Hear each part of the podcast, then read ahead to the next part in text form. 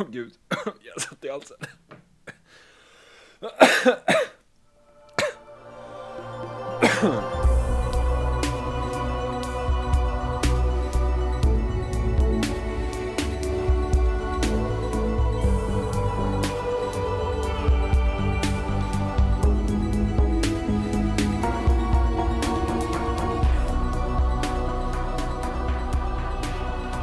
Hej och hjärtligt välkomna till den 42 episoden av Skämshögen med mig Amanda Sten och med Jimmy Seppele. Hallå! Hej, vad glad du lät.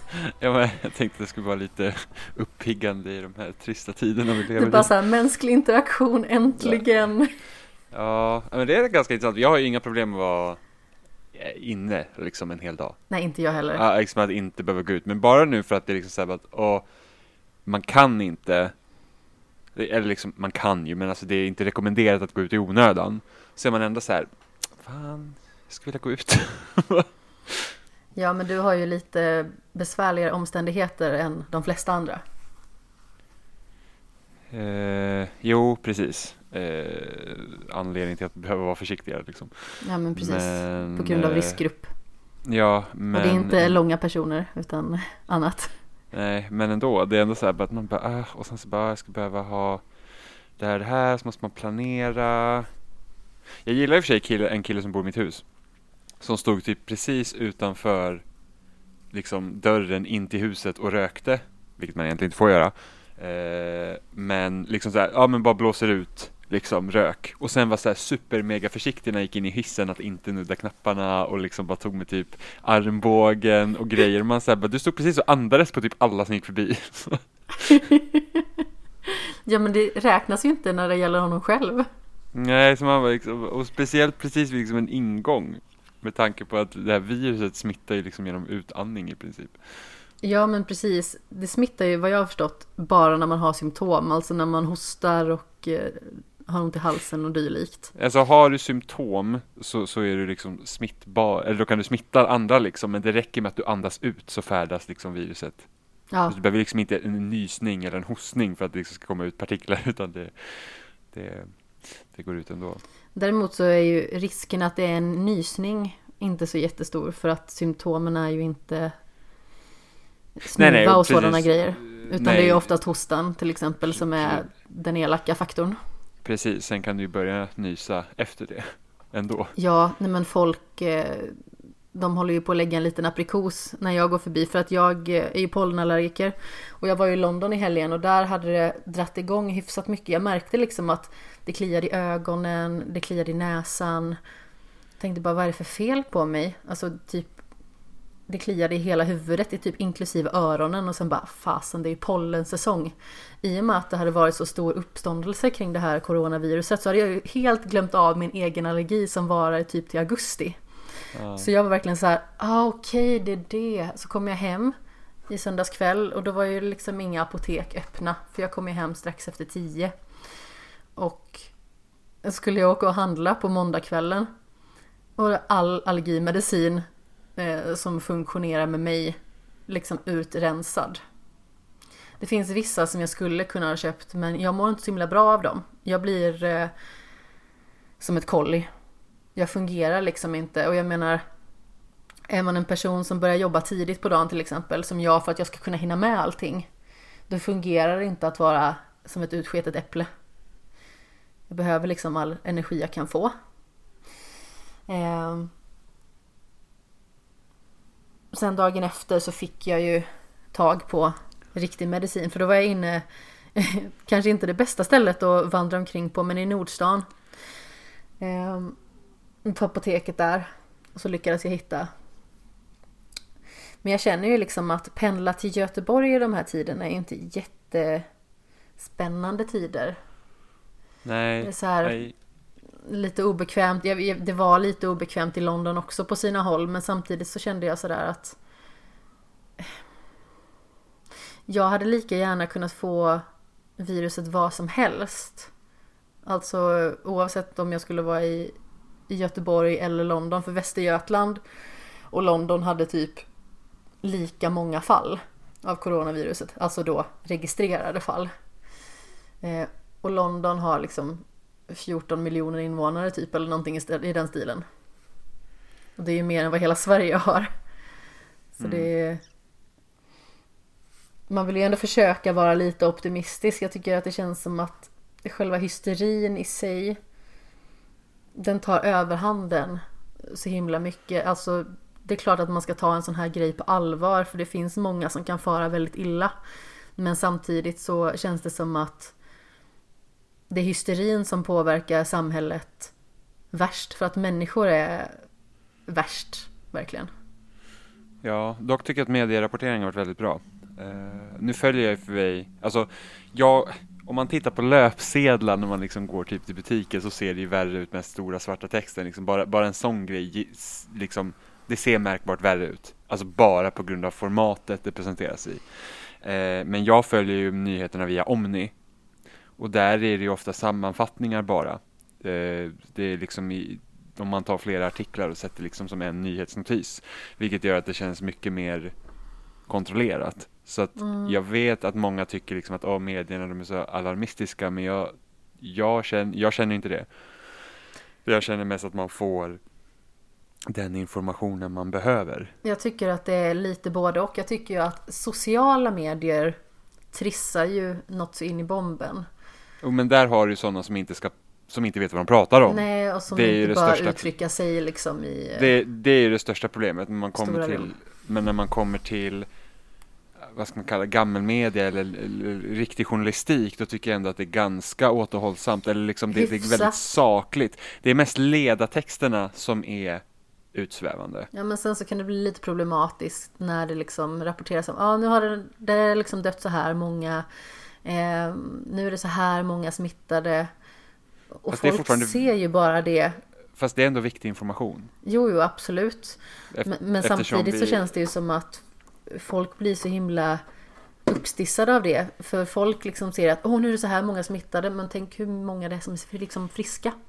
Jo, men samtidigt så att det är sånt som man måste veta. Sen att det finns människor som inte kan hantera det, det är ju en annan sak. Men liksom ja, det för, att, för att tänk om man inte hade rapporterat någonting alls, då hade alla gått i ovisshet. Så vi vet att viruset är här, men vi får inte veta någonting och då gör ju medierna inte sitt jobb. Nej, nej, eh, gud nej. Eh, det är bara så... det att det känns ibland som att fokuset ligger mer på,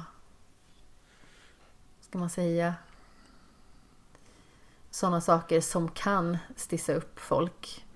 Jo, men så är det ju. Det, så kommer det ju alltid vara. Mm. Men vi har inte varit med om någonting sånt här här eh, tidigare. Och, det, och det, det, är inte som att epidemier eller pandemier inte har skett tidigare eller inte här.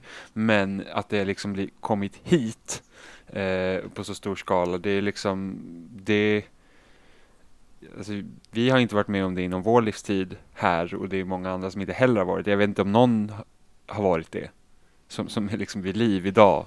och liksom, liksom att det har ju funnits, alltså det har ju varit förut att det har funnits risk för det både med svininfluensan och fågelinfluensan. Men... Ja, och sars var det väl också? Ja, men inte det är en av dem. Är det det?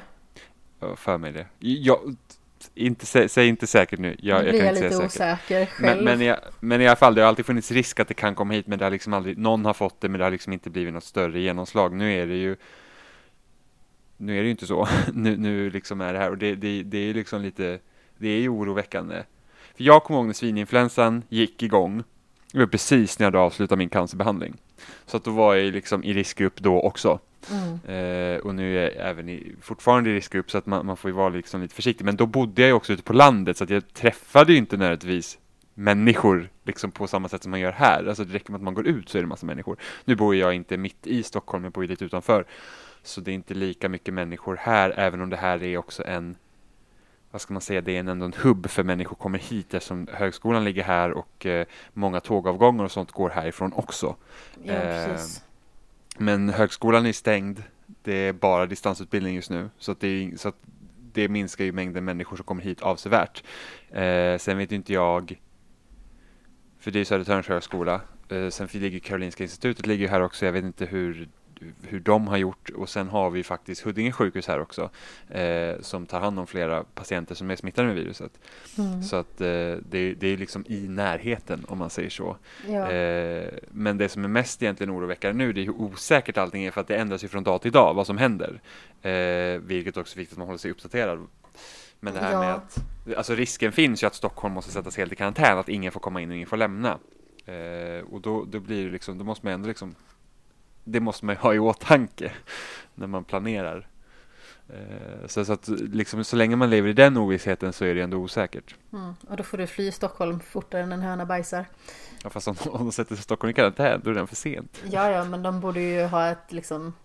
De säger inte exakt nu så är alla i karantän, antar jag. Nej, ingen Eh, aning. utan de har väl någon form av framförhållning, typ imorgon. Hur som haver, eh, jag smyggooglade lite på SARS i bakgrunden. Jag kan inte hitta att det är eh, någon av dem som vi nämnde tidigare. Däremot står det för svår akut respiratorisk sjukdom. Ja. Så det är liksom en form av lunginflammation. Men när var det sars var då? När var, det, när var man orolig för det? Eh, Står det något årtal? 2002 tror jag. Ja okej, det är så. Men då måste, är inte det fågelinfluensan? eh, För att svininfluensan, för svininf- Smittan tros härstammar från fladdermöss som smittat andra djurarter och som slutligen smittat människan. Alltså, Mm. man får jättegärna rätta oss om eh, vi har fel, eller framförallt jag i och med att det var jag som nämnde SARS. Eh, men det är någonting som jag har hört talas om tidigare. Och jag var ju så pass liten när det var, så då var jag ju bara tio år gammal. Jag tror att fågelinfluensan var nog lite senare va? Fågelinfluensan, alltså det har, det har varit flera stycken olika. Eh, ja, men, om man säger, De har gjort comeback. men jag undrar om inte det var den här H5N1 som var den grejen och då var det 2002 och då var det i Hongkong, Kina. Ja, okej. Sen var det, sen var det utbrott i Chile som var H7N3, Nederländerna 2003 H7N7, sen var det Kina 2014 och Korea 2016. Men har du fågelinfluensan på liksom en egen artikel? Ja, på Wikipedia. För SARS var en egen artikel på Mm, Wikipedia. jag, kan tänka, jag kan tänka mig att det är två olika, men det, Mm. jag, kom, jag vill liksom inte minnas sars. Nej, men jag tror inte att det hördes exakt lika mycket om det. Jag tyckte man hörde mer om svininfluensan.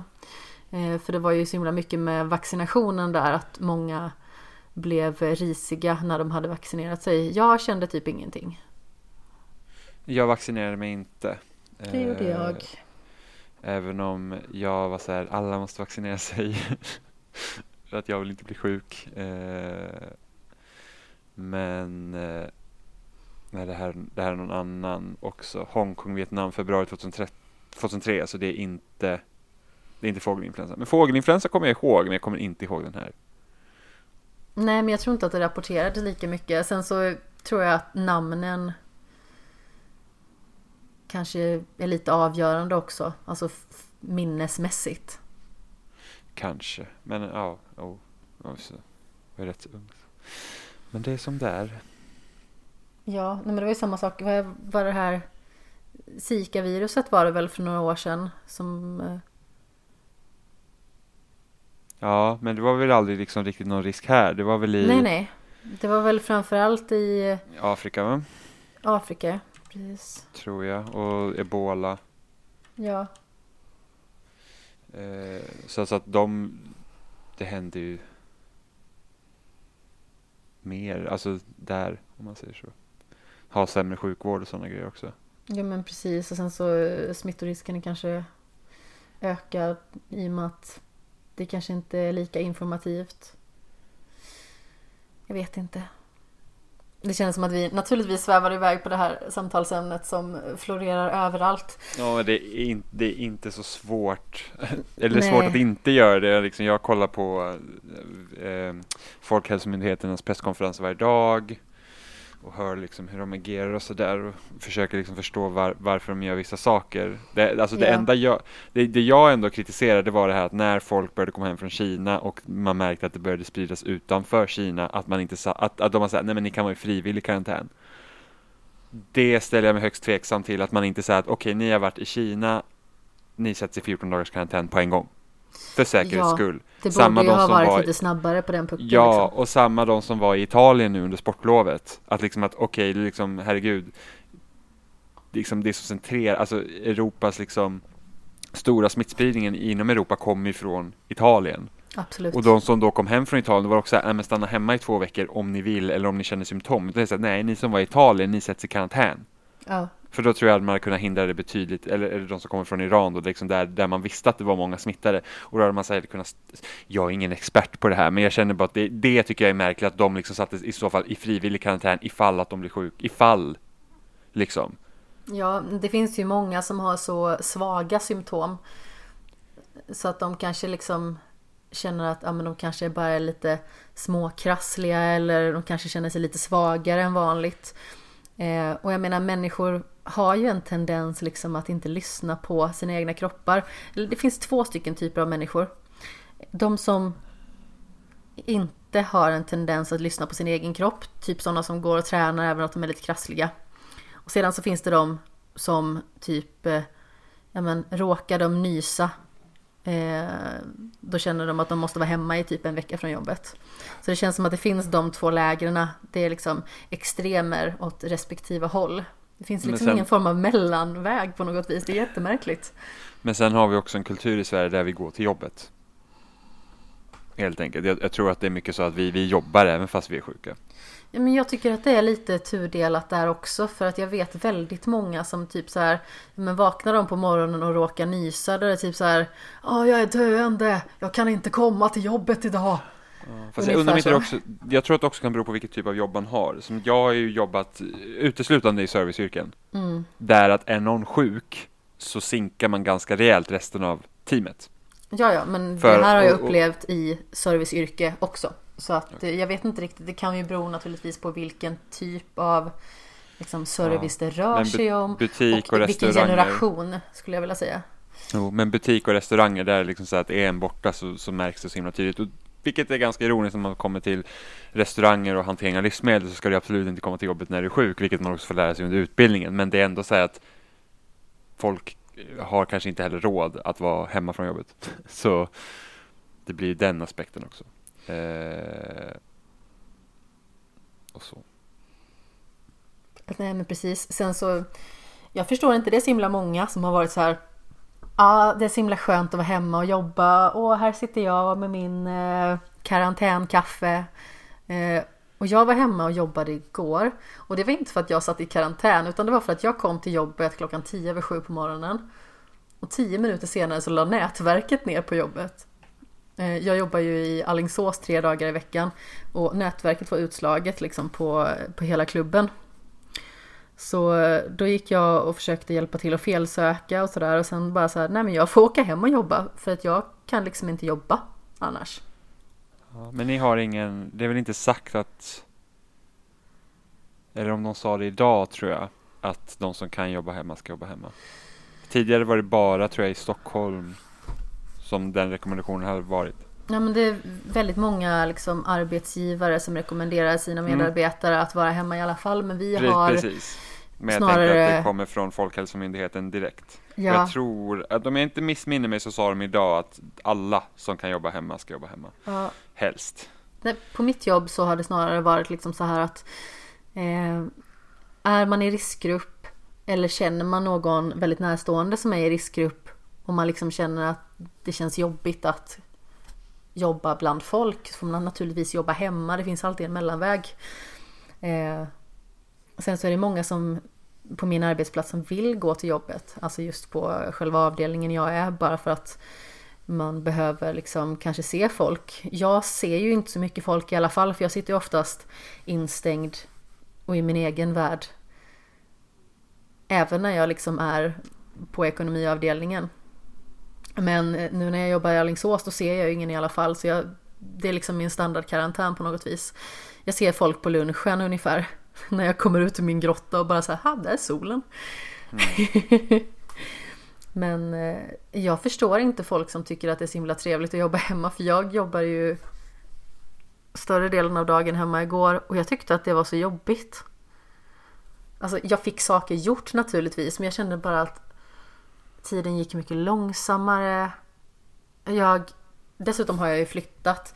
Det är lite därför som inte Skämshögen har spelat in på så himla länge. Plus att jag har knappt varit med i spelsnack på några veckor. Eh, för jag har ju flyttat och allting är inte på plats.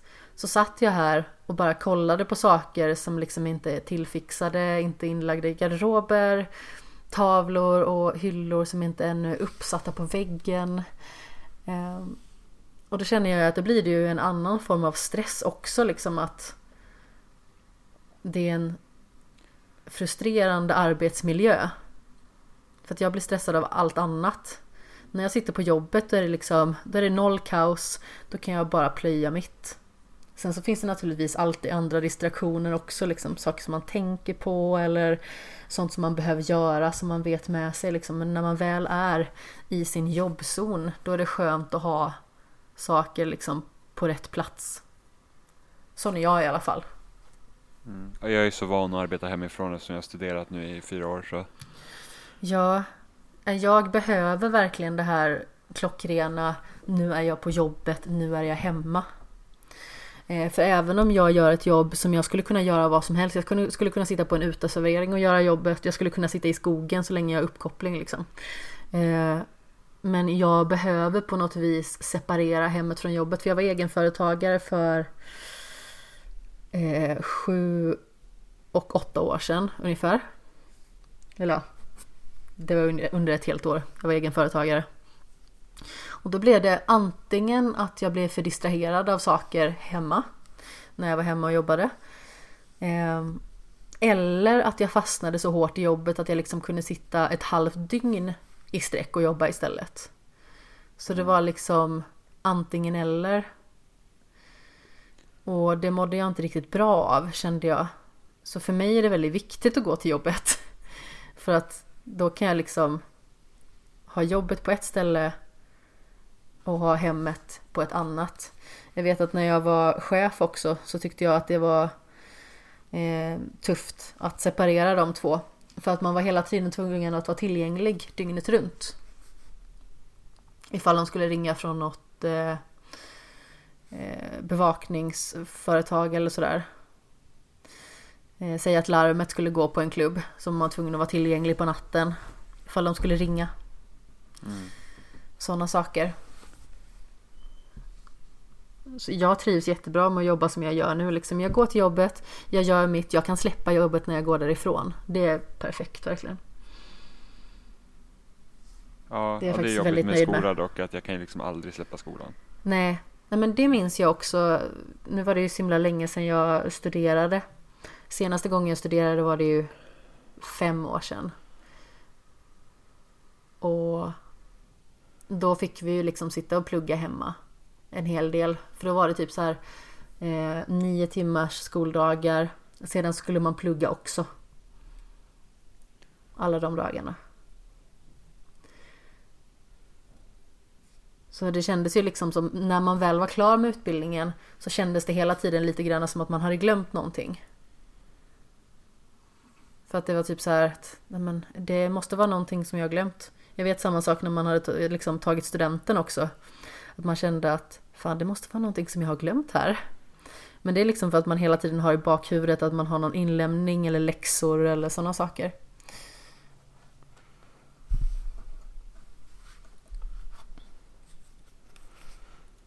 Ja. ja, du var fortfarande kvar. Jag skulle precis kolla det. det blev en så lång tyst paus där. Så jag tänkte kolla för eh, vi satt och skulle spela in eh, för en stund sedan och då fungerade inte mina hörlurar av någon anledning. Vilket de gör nu. Men eh, ja, vi lär väl få anledning att komma tillbaka till coronaviruset. Lär väl spåra över dit ändå kan jag tänka mig. Men som sagt, det är liksom hela samhällets samtalsämne på något vis just nu. Går man in på sociala medier då kan man liksom inte eh, scrolla en halv sida ens utan att det står någonting om corona. Ja, man märker de, eh, de som har följt från USA när de sitter i karantän just nu liksom i typ San Francisco och sånt. Man märker vilka som är vana att få uppmärksamhet hela tiden. För det är liksom, det är de mest så här, meningslösa tweetsen. Man säger men alltså snälla. ja, det är helt sant. Men jag tänkte att jag skulle läsa upp lite kommentarer som eh, vi fick. En lite äldre som vi fick i det här avsnittet där vi faktiskt pratade om The Witcher, den här Vinterhed, Lord Igelkott och Trumpenis. Eh, och då är det Daniel Hagdahl som skrev att har kört alla Mass Effect-spelen eh, tre till fyra gånger och kan lova att jag spelar igenom dem om du gör det också och sedan har en liten sagostund. Så det antar jag att jag får eh, lova att jag ska ha någon form av eh, inte, sammanfattning som är lite sådär extra mysig när jag spelar igenom de spelen. Jag har inte kommit igång med det än. Det känns som att jag typ inte spelat nästan någonting de senaste veckorna. Jag har spelat Steamworld Heist som jag har spelat innan bara för att det är någon form av så här lite som bekvämlighetsmat liksom. Det är lätt att laga, det är lätt att äta, man vet vad man får. Man behöver liksom inte lägga så mycket energi på det, det är väldigt anspråkslöst. Men Mass Effect ska jag ta i år, det har jag lovat mig själv framförallt. Mm. Och sen så var det Spela med David som på Instagram skrev mysigt senaste avsnitt. Det var alltså avsnitt som var då. Eh, senast den 24 februari vill jag minnas att det släpptes. Jag gillade idén om att lyssna eller titta på Mumin när man ligger i sjuksäng. Min personliga go-to är Tintil-filmerna. Sen är det en fröjd att höra andra sitta och orera om det svenska skriftspråkets förfall. Mer sådant. Ja, för vi eh, hade ju lite frågor senast. Och där minns jag att vi retade oss lite grann på hur människor uttrycker sig i dagens samhälle, både i text och i verbala former. Intressant. Mm, precis. Ja, så det var de kommentarerna. Och har jag missat någon kommentar någonstans så får man jättegärna höra av sig igen och bara peta på mig och säga fy skäms.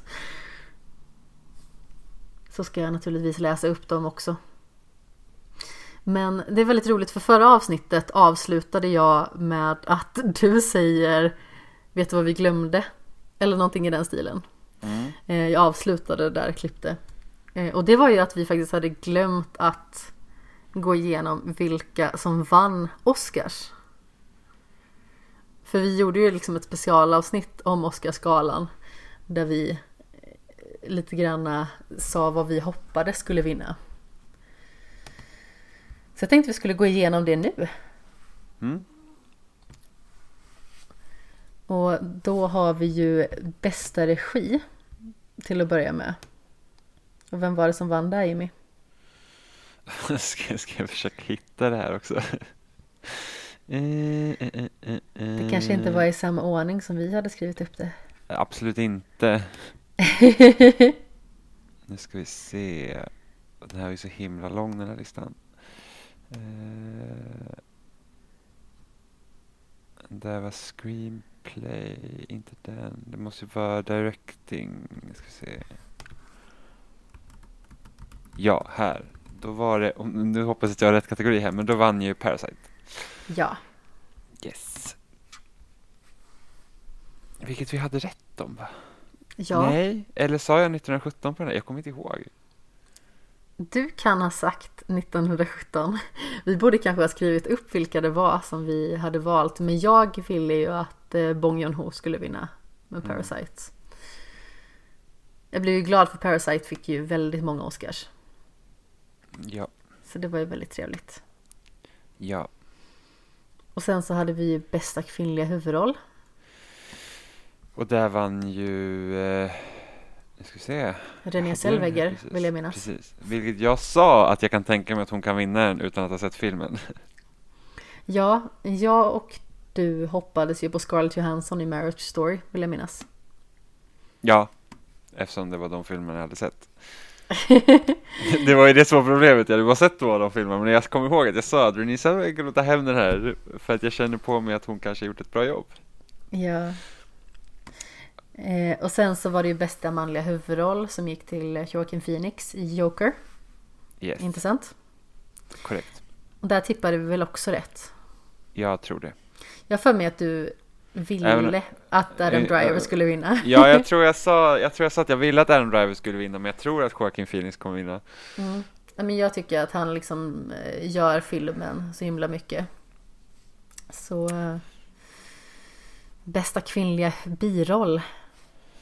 Eh, och där vann Laura Dern i Marriage Story. Helt överraskad över det. Jag var väldigt övertygad om att Scarlett Johansson skulle ta den faktiskt. Har Scarlett Johansson vunnit en Oscar någon gång?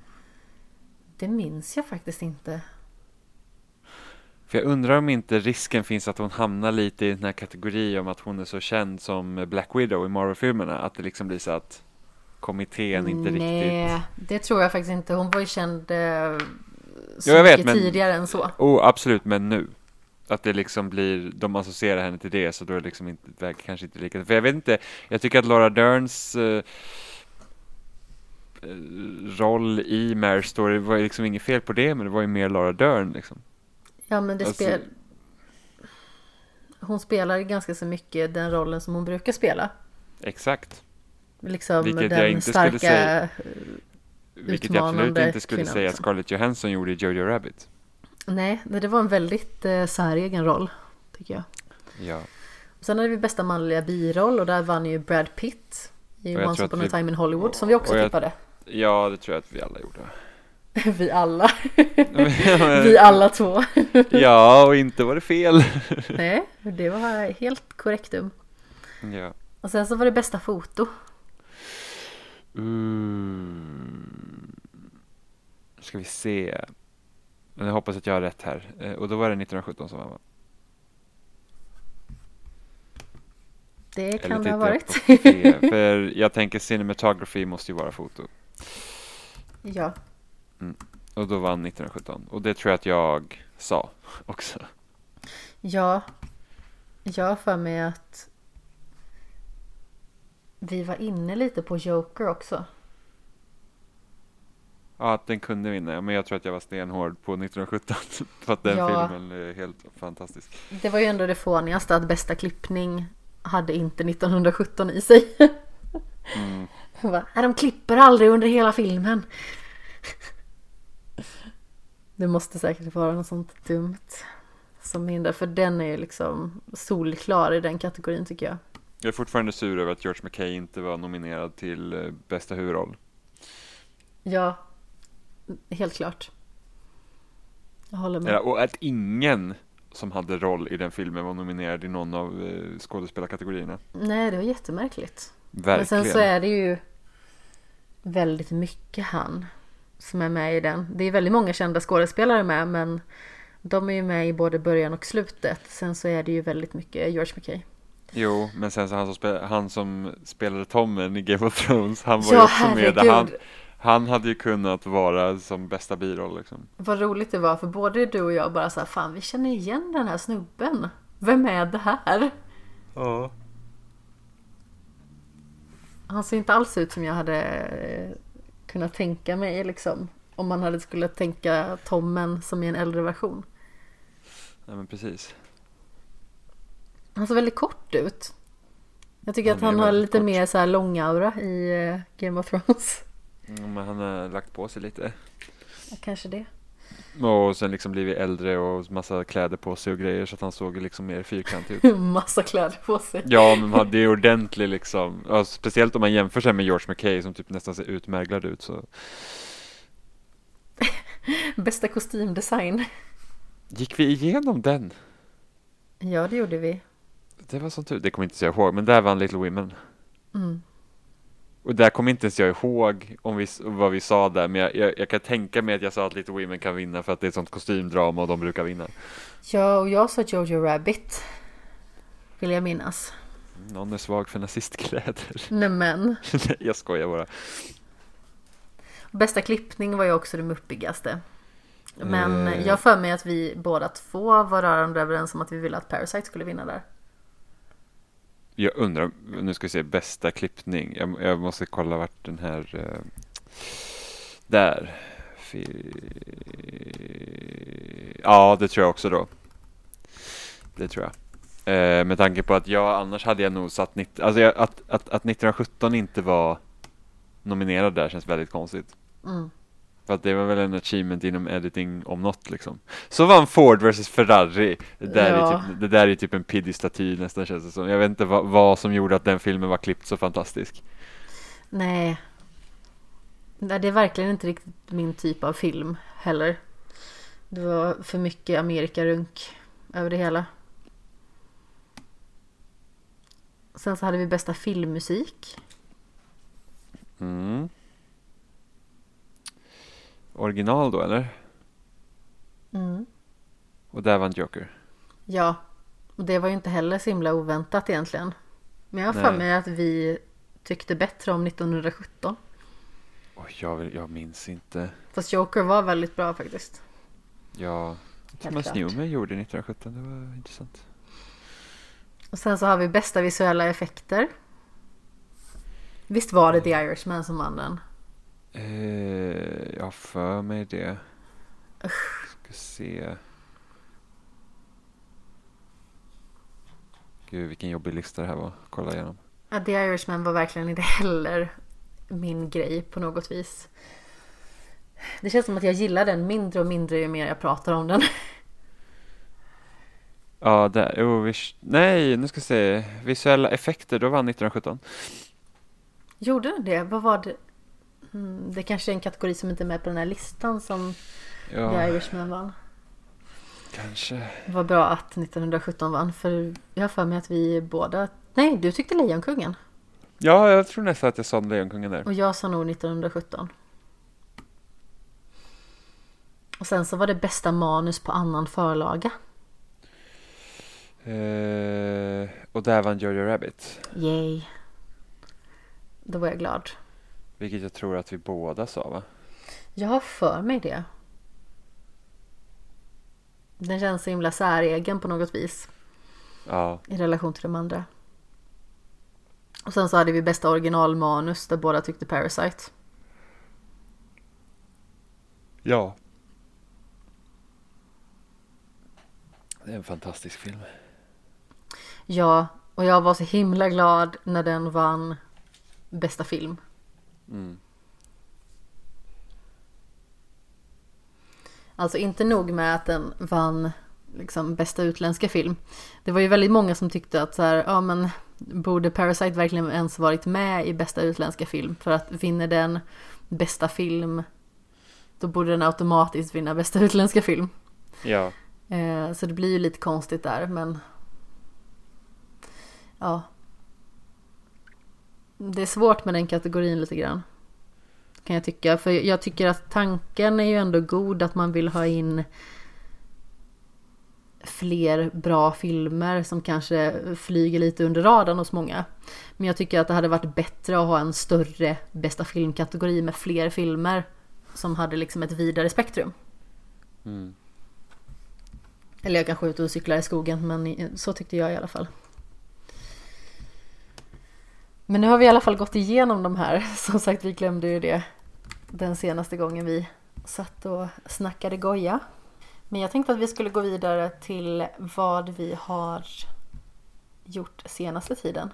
Mm. Vad säger du om det? Ja, det låter fint. Och du har ju sett Uncut Gems. Ja, eh, precis. Så en ny film via Netflix eh, som de gör tillsammans med Adam Sandler då, som också spelar huvudrollen i den här filmen. Eh, och den har fått väldigt bra kritik.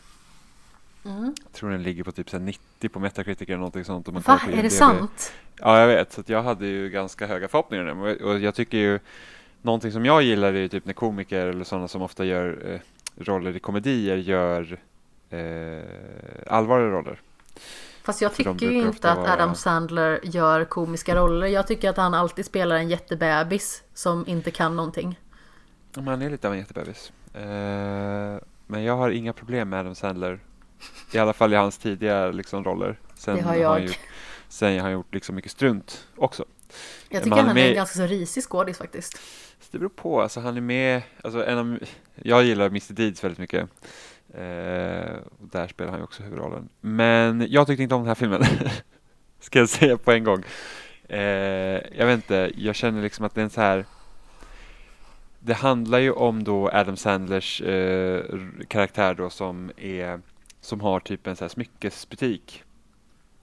Så att han dealar mycket med liksom eh, ja, men så diamanter, liksom sådana ringar och så lite sådana grejer. Han har också liksom problem med att han lånar pengar från massa olika och hela tiden försöker ligga steget före så att säga. Så att han lånar liksom pengar därifrån så lånar någon annan för att kunna betala tillbaka det där och sen så försöker han liksom Han har också spelproblem så att han liksom spelar bort pengar och liksom försöker hela tiden på den vägen. Eh, så att hela filmen eh, är då att han har köpt en opal som då enligt honom ska värderas till en och en halv miljon dollar som man ska försöka sälja samtidigt som man har då typ två eller tre parter som försöker få tillbaka sina pengar från honom. Eh, och då är det den här, det, det liksom kretsar kring också en, en, en känd basketspelare som som kommer till hans butik och får se den här opalen och liksom vill ha med den till han, han känner att han liksom får tur av den här opalen, att det är liksom någon magisk kraft i den så att han vill liksom ha med den när han ska spela match. Eh, vilket gör liksom att de grejer då som Adam Sandlers roll karaktär, alltså karaktär då har planerat för liksom skjuts upp för att han liksom lyckas inte säga nej och den här liksom spelaren då, han har liksom jättemycket pengar och sådär. Eh, samtidigt då han ska förbereda den här opalen för att den ska hamna ut på auktion då så att han kan liksom få massa pengar för den.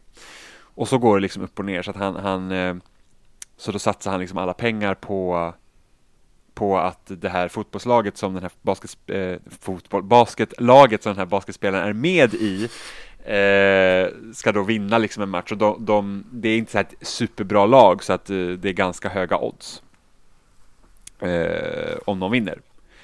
Så att han, han kör då med den här, eh, satsar liksom massa pengar på det här laget, vinner eh, och tänker liksom att yes, nu har jag liksom tagit storkovan så liksom mina problem är lösta och då är den här den här personen då som håller i den här bettingen är också en person han är skyldig pengar till. Eh, som då blåser av det här, den här bettingen som har gjorts. Så han vinner egentligen inga pengar, även om man tror det. Och det är liksom så det börjar helt enkelt att dra igång den här hela spiralen med att han liksom måste få den här opalen till eh, aktionen då, som nu den här basketspelaren har. Och den liksom och den pausar inte riktigt. Det är liksom, folk skriker på varandra. Det, är liksom det finns hela tiden en grad av spänning i filmen. Eh, som gör att man hela tiden känner sig liksom olustig, om man säger så. Alltså det, det är lite likt som man tittar på eh, Dunkirk till exempel. Där man liksom känner sig så nervös på grund av musiken och, och liksom i den, den situationen de befinner sig i. Det känns som att det är något Eh, lurt på gång helt enkelt. Och inte bara lurt, utan man, det är bara obehagligt. Liksom man, man vet att det är liksom, det, sättet man har byggt upp filmen på gör så att man hela tiden känner sig orolig. Eh, och det är samma sak i den här filmen, även om jag inte tycker om den. För jag tycker att det är, alltså Adam Sandlers karaktär är liksom dum i huvudet. Alltså det, det, han, han liksom irriterande, liksom försöker hela tiden komma undan, eh, ljuger. Eh, liksom är dry, det är en sån här dryg putte som man bara så här, åh, ska man behöva nej. ha någonting med den här personen att göra så ska man bara vara skitjobbig. Eh, så, så att jag störde mig väldigt mycket på det. Sen tycker jag att det är en ganska intressant idé liksom att sätta en film i liksom att ha, ha att man får följa en sån här typ av karaktär och liksom kommer han klara det eller kommer han inte klara det? Du vet, det är liksom hela tiden så att han, han, han råkar liksom ligga steget före och han liksom hittar på massa olika grejer för att liksom komma undan, lura, alltså han bullshittar konstant. Det är liksom, han bara, nej men det här fixar, fixar sig, tar upp sin telefon och gör liksom fejkade samtal för att liksom lura dem man pratar med. Eh, och så här bara det kommer funka och hela tiden så här bara, bara nästa grej kommer ge mycket pengar, nästa grej kommer ge mycket pengar. Eh, men jag hade hoppats på att den skulle vara bättre. Jag känner liksom, jag känner mig mest irriterad när jag liksom sett klart på den för jag var så här, usch. Och det beror ju på att och där kan man faktiskt ta Adam Sandler som skådis, just att han, sättet han gör ofta, det här är en väldigt Adam Sandler typ roll, precis som man gör i sina komedifilmer, att man är ganska högljudd och skriker lite mycket, eh, förutom att den är satt liksom i som en mer dramatisk roll istället. Eh, vilket inte nödvändigtvis liksom är orsaken till att jag inte tycker om det, men det liksom blir så här att det blir för blaffigt nästan. Eh, så det, ja, alltså den har ju fått bra kritik och så, men jag, jag, jag var inte jätteförtjust i den faktiskt. Nej. Eh, Som sagt, jag har inte riktigt känt någon dragning till den här. Jag vet att det är många som har sagt att man borde se den. Men jag har, på grund av att jag har väldigt svårt för Adam Sandler, inte sett den. Jag tror inte du hade ändrat uppfattning om du hade sett den här heller. Så. Förmodligen hade väl varit så. Mm. Men du har sett en annan film som kanske var bättre? Ja, det har jag gjort. Eh, jag såg också I, Tonya. Eh, som då handlar om eh, Tonya Harding som är en före detta konståkerska. Så det handlar liksom om hennes, men egentligen hennes liksom hur hon kommer in på banan av konståkning eh, och sen så går den igenom den här liksom skandalen som skedde kring OS eh, när eh, hennes man ser till att några hantlangare krossar den största motståndarens knä i princip inför tävlingen. Eh, vilket är, vet jag inte, jag har inget liksom, det här hände någon gång på 90-talet, typ 93, 94, någon gång här för mig. Eh, så då var man ju så liten så det här är ingenting liksom jag kommer ihåg. Det är inte så konstigt i och med att vi var typ så här ett, två, tre Precis, år. men det är liksom ingenting som har, alltså jag minns ju att, eller så här, jag vet att Sverige fick EM-brons, nej var det VM-brons 94, liksom en sån grej. Eh, så, så, så, så att som stora sporthändelser så kan det följa med, men jag hade i alla fall ingen koll på det här. Eh, och då är det Margot Robbie då som spelar Tonya Harding i den här filmen. Eh, den här filmen var dock väldigt, väldigt bra tycker jag. Eh, oh ja, absolut. Just för att man kan ändå på något sätt relatera till den typ pressen som sett så i tävlingssammanhang som både du och jag liksom har ju tävlat på hög nivå i respektive sporter vi har hållit på med. Eh, så sättet liksom den här mamman, alltså hennes mamma sätter press på henne. Eh, hon liksom säger att ah, går det inte bra så duger det ingenting till typ. Den mm. typen av liksom support inom situationstecken. Eh, men inte nog med det, den här mamman är så pass vidrig så att hon även saboterar för sin egen dotter av någon jäkla anledning. Förmodligen för att hon inte liksom är nöjd med sin egen, sitt eget liv och sen vad, vad, liksom, vad som har hänt med henne liksom. Eh, en otroligt osympatisk människa. Hon som, är fruktansvärd verkligen. Riktigt som bara, vidrig. Ja, som bara klankar ner på henne. Vilket gör också att den här Tonya Harding har också ganska eh, problematisk eh, attityd många gånger. Minst eh, sagt. Våldsam och liksom så här typ ganska ful i munnen, vilket egentligen inte vilket inte gör så mycket men, men liksom sättet hon behandlas av sin mamma och sen sättet hon behandlas även av dem, den kommittén som eh, som sitter liksom på poäng för då de här olika numren. Liksom mm. att det är att hon är en okonventionell konståkerska och därför liksom klankar hon ner på henne. Eh, inte märkbart så att liksom att de sitter och häcklar henne under liksom gången men hon får inte de poängen hon känner att hon förtjänar. Eh, och hon får ju senare veta liksom att det är för att hon är en okonventionell. Hon är liksom inte kärnfamiljen, hon ger, ger ingen bra story egentligen enligt deras liksom då eh, vad de tycker borde vara rådande normer.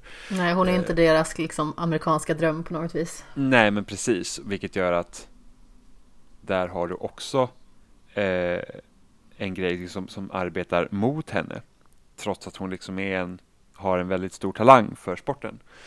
Eh, men det intressantaste jag tycker med den här filmen är också hur den berättar sitt narrativ, för du får ju se det ur tre olika synvinklar egentligen, så det är då gjord, gjorda intervjuer med Tonya Harding, eh, hennes mamma och hennes man. Eh, och man kan inte heller veta egentligen vad som sägs är sant. För att alla har ju liksom olika sätt att se på sakerna. Eh, som, som man kan få ibland eh, bilder som kanske säger emot varandra. Eller liksom att åh, det där hände, nej men det hände inte så där utan det hände så här istället. Så man vet inte riktigt vad man ska tro på. Eh, men en sak som egentligen blir säker om man tänker på Tony Hardings karaktär är ju det att hon på grund av den eh, liksom uppväxt hon har haft och liksom det här med att det är alltid någon annans fel. Mm. Eh, därför också blir det svårt att sympatisera med henne när det väl går snett. För att hon är så fokuserad på liksom att komma till OS och fixa liksom hela den grejen att när då hennes man då säger att ah, men vi ska skicka då så här hat eller mordbrev till dödshot till då den här eh, hennes eh, Rival. rival då. Precis.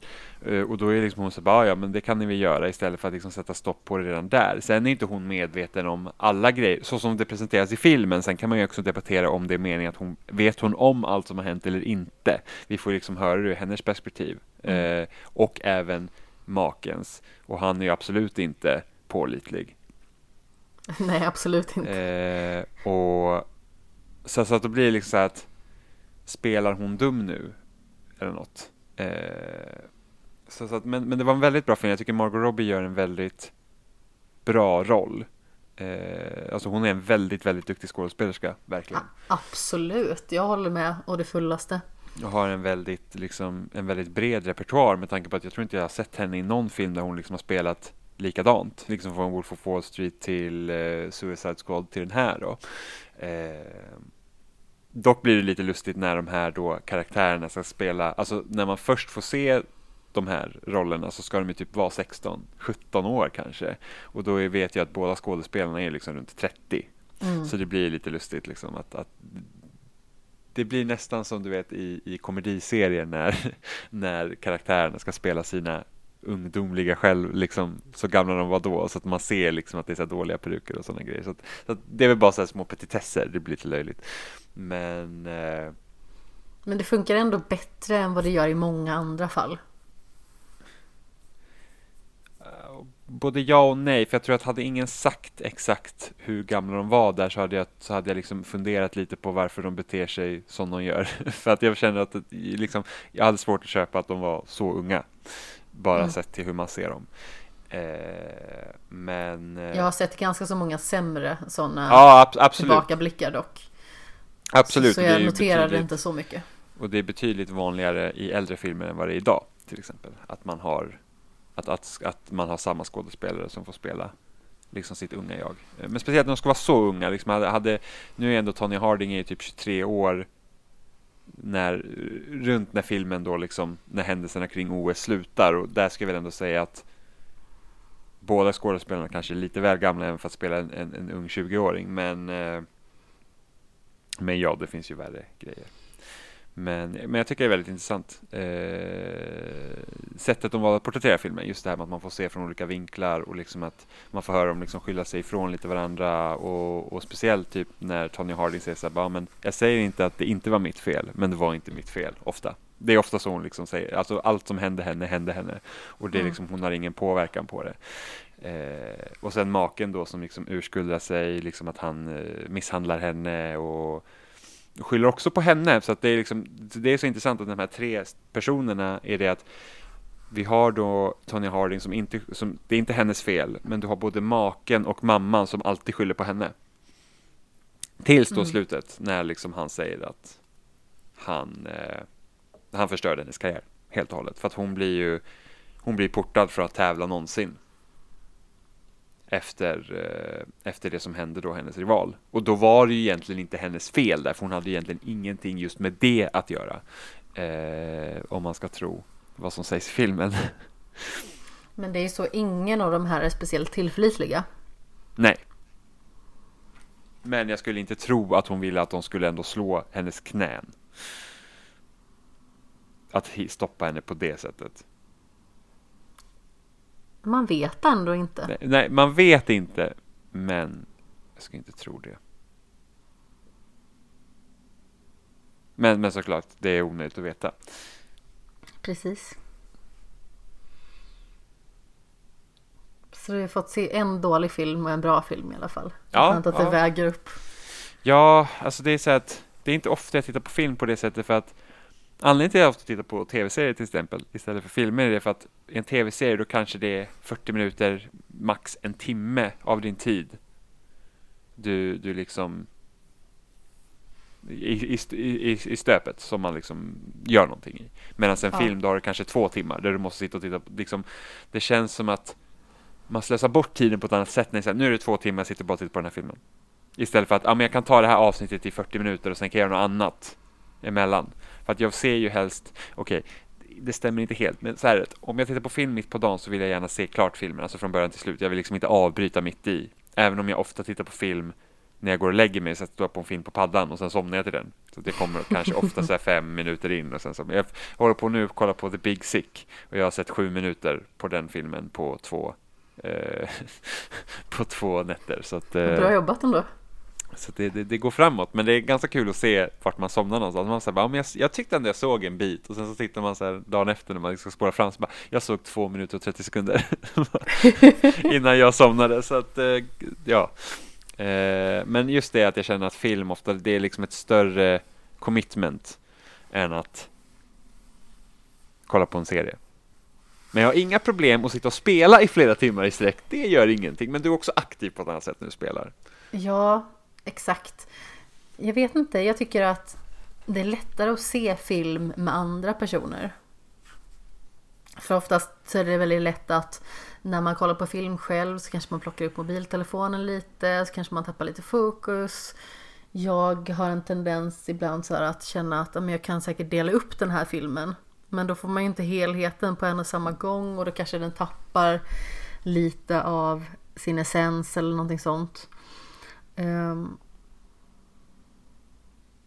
men jag tycker att det är skönt att se tv-serier. Just nu kollar jag på Brooklyn 99 från början igen. För att jag kände bara så att Visst, jag kan börja kolla på den nya säsongen, men jag kände att jag ville se om allting från början för att ha det färskt på något vis. Och det är så himla skönt bara så här, ja men ett avsnitt till, ett avsnitt till, ett avsnitt till. Jag kan kolla på det här samtidigt som jag spikar upp lite tavlor. Igår så somnade jag till det också i soffan. Um, jag skulle kunna slå på det på skärmen. Jag fick en jättefin skärm av dig. Uh, som jag har uh, på mitt skrivbord och jag kan ställa upp skärmen så att jag kan se den från sängen. Men uh, det har jag faktiskt inte gjort än. Utan jag har den senaste tiden typ så somnat Alltså utan någonting på. Det är i slutet av när, när jag bodde i min förra lägenhet. Alltså de, de sista typ månaderna. Då somnade jag väldigt sällan till någonting. Innan så var jag jämt sån här att jag måste ha någonting på när jag ska sova. Mm. Men jag började så här vänja mig av med det lite grann. Jag vet inte varför. Jag tror att det var för att jag typ blev irriterad på mig själv. Typ om jag kollade på någonting på HBO till exempel. Eh, och då är det så himla lätt att tappa bort sig själv var man var för någonstans. Ja, men det är bara för att av någon jäkla anledning så tänkte HBO när de la till det här att avsnittet spelar upp av sig själva så tänkte de att de ska ha en funktion också att man kunde stänga av det. Ja, precis. Jag gör mig så jäkla sur varje gång jag tänker på det. Vi ska inte prata om HBO då, det är lika bra. Vill inte göra dig upprörd. Skitupprörd av den anledningen för att jag kommer ihåg att jag tyckte det var så bra på HBO när, man, när den inte spelade upp nästa avsnitt. Och sen så bara, nej men nu har vi lagt till den här grejen från Netflix som flera stycken har frågat efter. Så bara, mm, nu går det inte att stänga av, tack. Sitter man där och typ så bara, åh, jag är på säsong 73. Efter en natt sovande. Jag bara, jag var på avsnitt, jag var liksom på säsong två igår. Jävla skit. Ja, men jag hade så ett tag när jag kollade på The Office. Det var nog den sista serien som jag kollade på när jag skulle sova. Och då var det verkligen så här att jag kunde ha kollat på säsong 5 eh, på slutet av den och så kunde jag ju vara typ halvvägs in i säsong 6 när jag vaknade på morgonen. För så här, vad fanken, mm. vad är det här? Ja. Men jag har faktiskt sett en annan serie också. Eller sett mm. klart en annan serie. Jag har sett klart The Mary Kills People. Eller i alla fall säsong 3. Jag vet inte om det kommer någon mer säsong. Men det är i alla fall den senaste. Och eh, den var faktiskt också väldigt bra. Jag ska försöka inte spoila den allt för mycket men eh, jag har pratat om den här tidigare. Det är ju helt enkelt en eh, kvinnlig doktor som eh, extra knäcker genom att ge dödshjälp ihop med en eh, vän. Och eh, de två har liksom sitt eget lilla företag där de eh, hjälper människor som är så sjuka att inte de vill leva längre. Utan de vill lämna världen på sina egna villkor. Och i den här tredje säsongen så har de startat upp ett hospice. Där de tar emot människor som är i livets eh, slutskede. Oavsett om de är gamla eller unga. Eh, själva grejen är ju liksom att de ska vara så sjuka eller nära döden så att de liksom har velat begära dödshjälp. Och då är det lite maskerat där också, att det ska liksom vara som ett trevligt ställe som människor som är i livets slutskede kan vara. Bara det att de skyltar ju liksom inte med att man eh, ger dem dödshjälp där i och med att det är förbjudet i Kanada.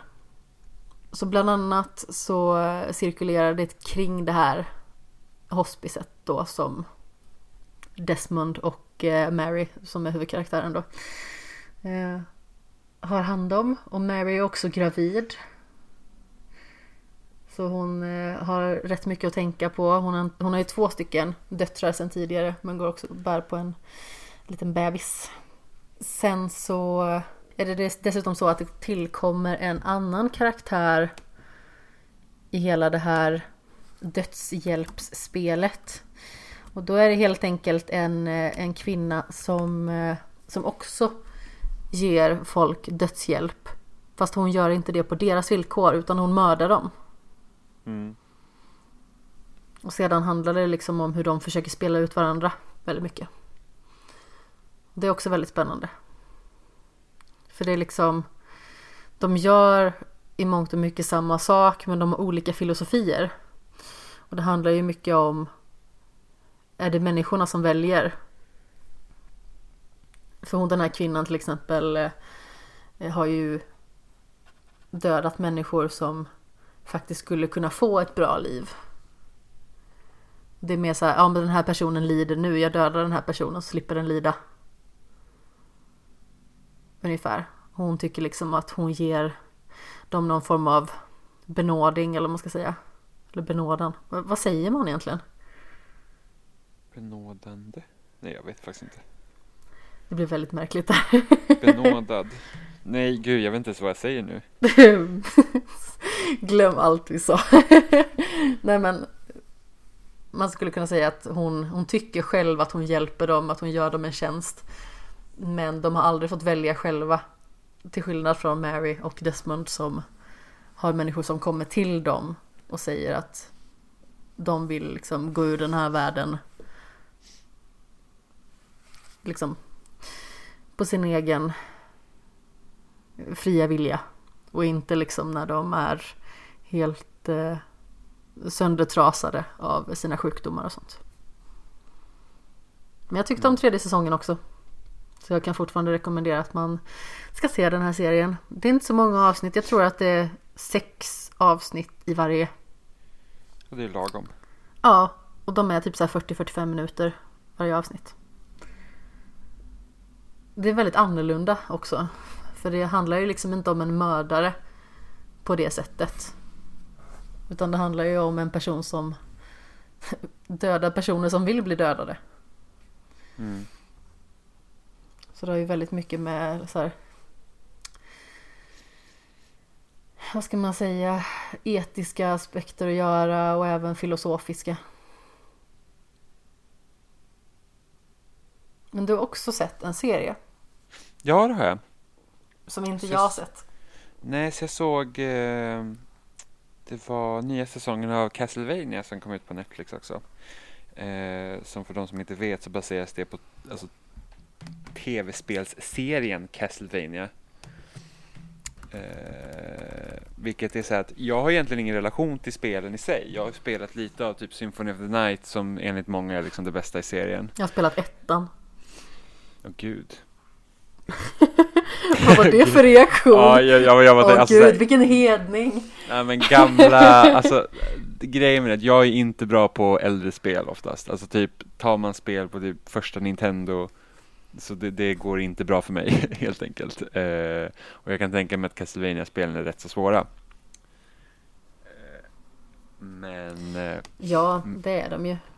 Och framförallt jag... har ju de den här dumma mekaniken att man eh, trillar bakåt om man blir träffad. Blir träffad ja. Alltså något som jag överlag, något som jag överlag ogillar i sina 2D actionspel av den här typen är det att du blir skadad bara du går in i fienderna. Det stör mig så enormt. Man, alltså hur kan den här fienden liksom vara typ, den gör ont överallt. Det är precis liksom, som verkliga livet. Ja, men liksom man bara så nuddar den så bara ah shit jag förlorar halva hjärtat liksom. Och nej, sluta. Farväl grymma värld. Ja, men lite oh. så. Sånt kan störa mig så otroligt mycket. Men eh, Tv-spel i ett nötskal. Ja, men det som är så intressant med tv-serien Castlevania, är det, ja, den är animerad då, så att eh, det ska man vara medveten om, är hur vuxen ändå den känns. Eh, utan att egentligen förlora det som jag tror att många kanske ser fram alltså actionaspekten från spelet. Så att man följer ju, alltså huvudkaraktären är, eh, nu ska vi se vad han heter, undrar om det är Trevor Belmont. Eh, Jag älskar hur du försöker så här ninja Yes. i bakgrunden och så hör jag bara så här klick, klick, klick, klick, klick, klick. Eh, yes, eh, Trevor Belmont då som är, han är den sista liksom i sin familj eh, som är liksom monsterjägare då.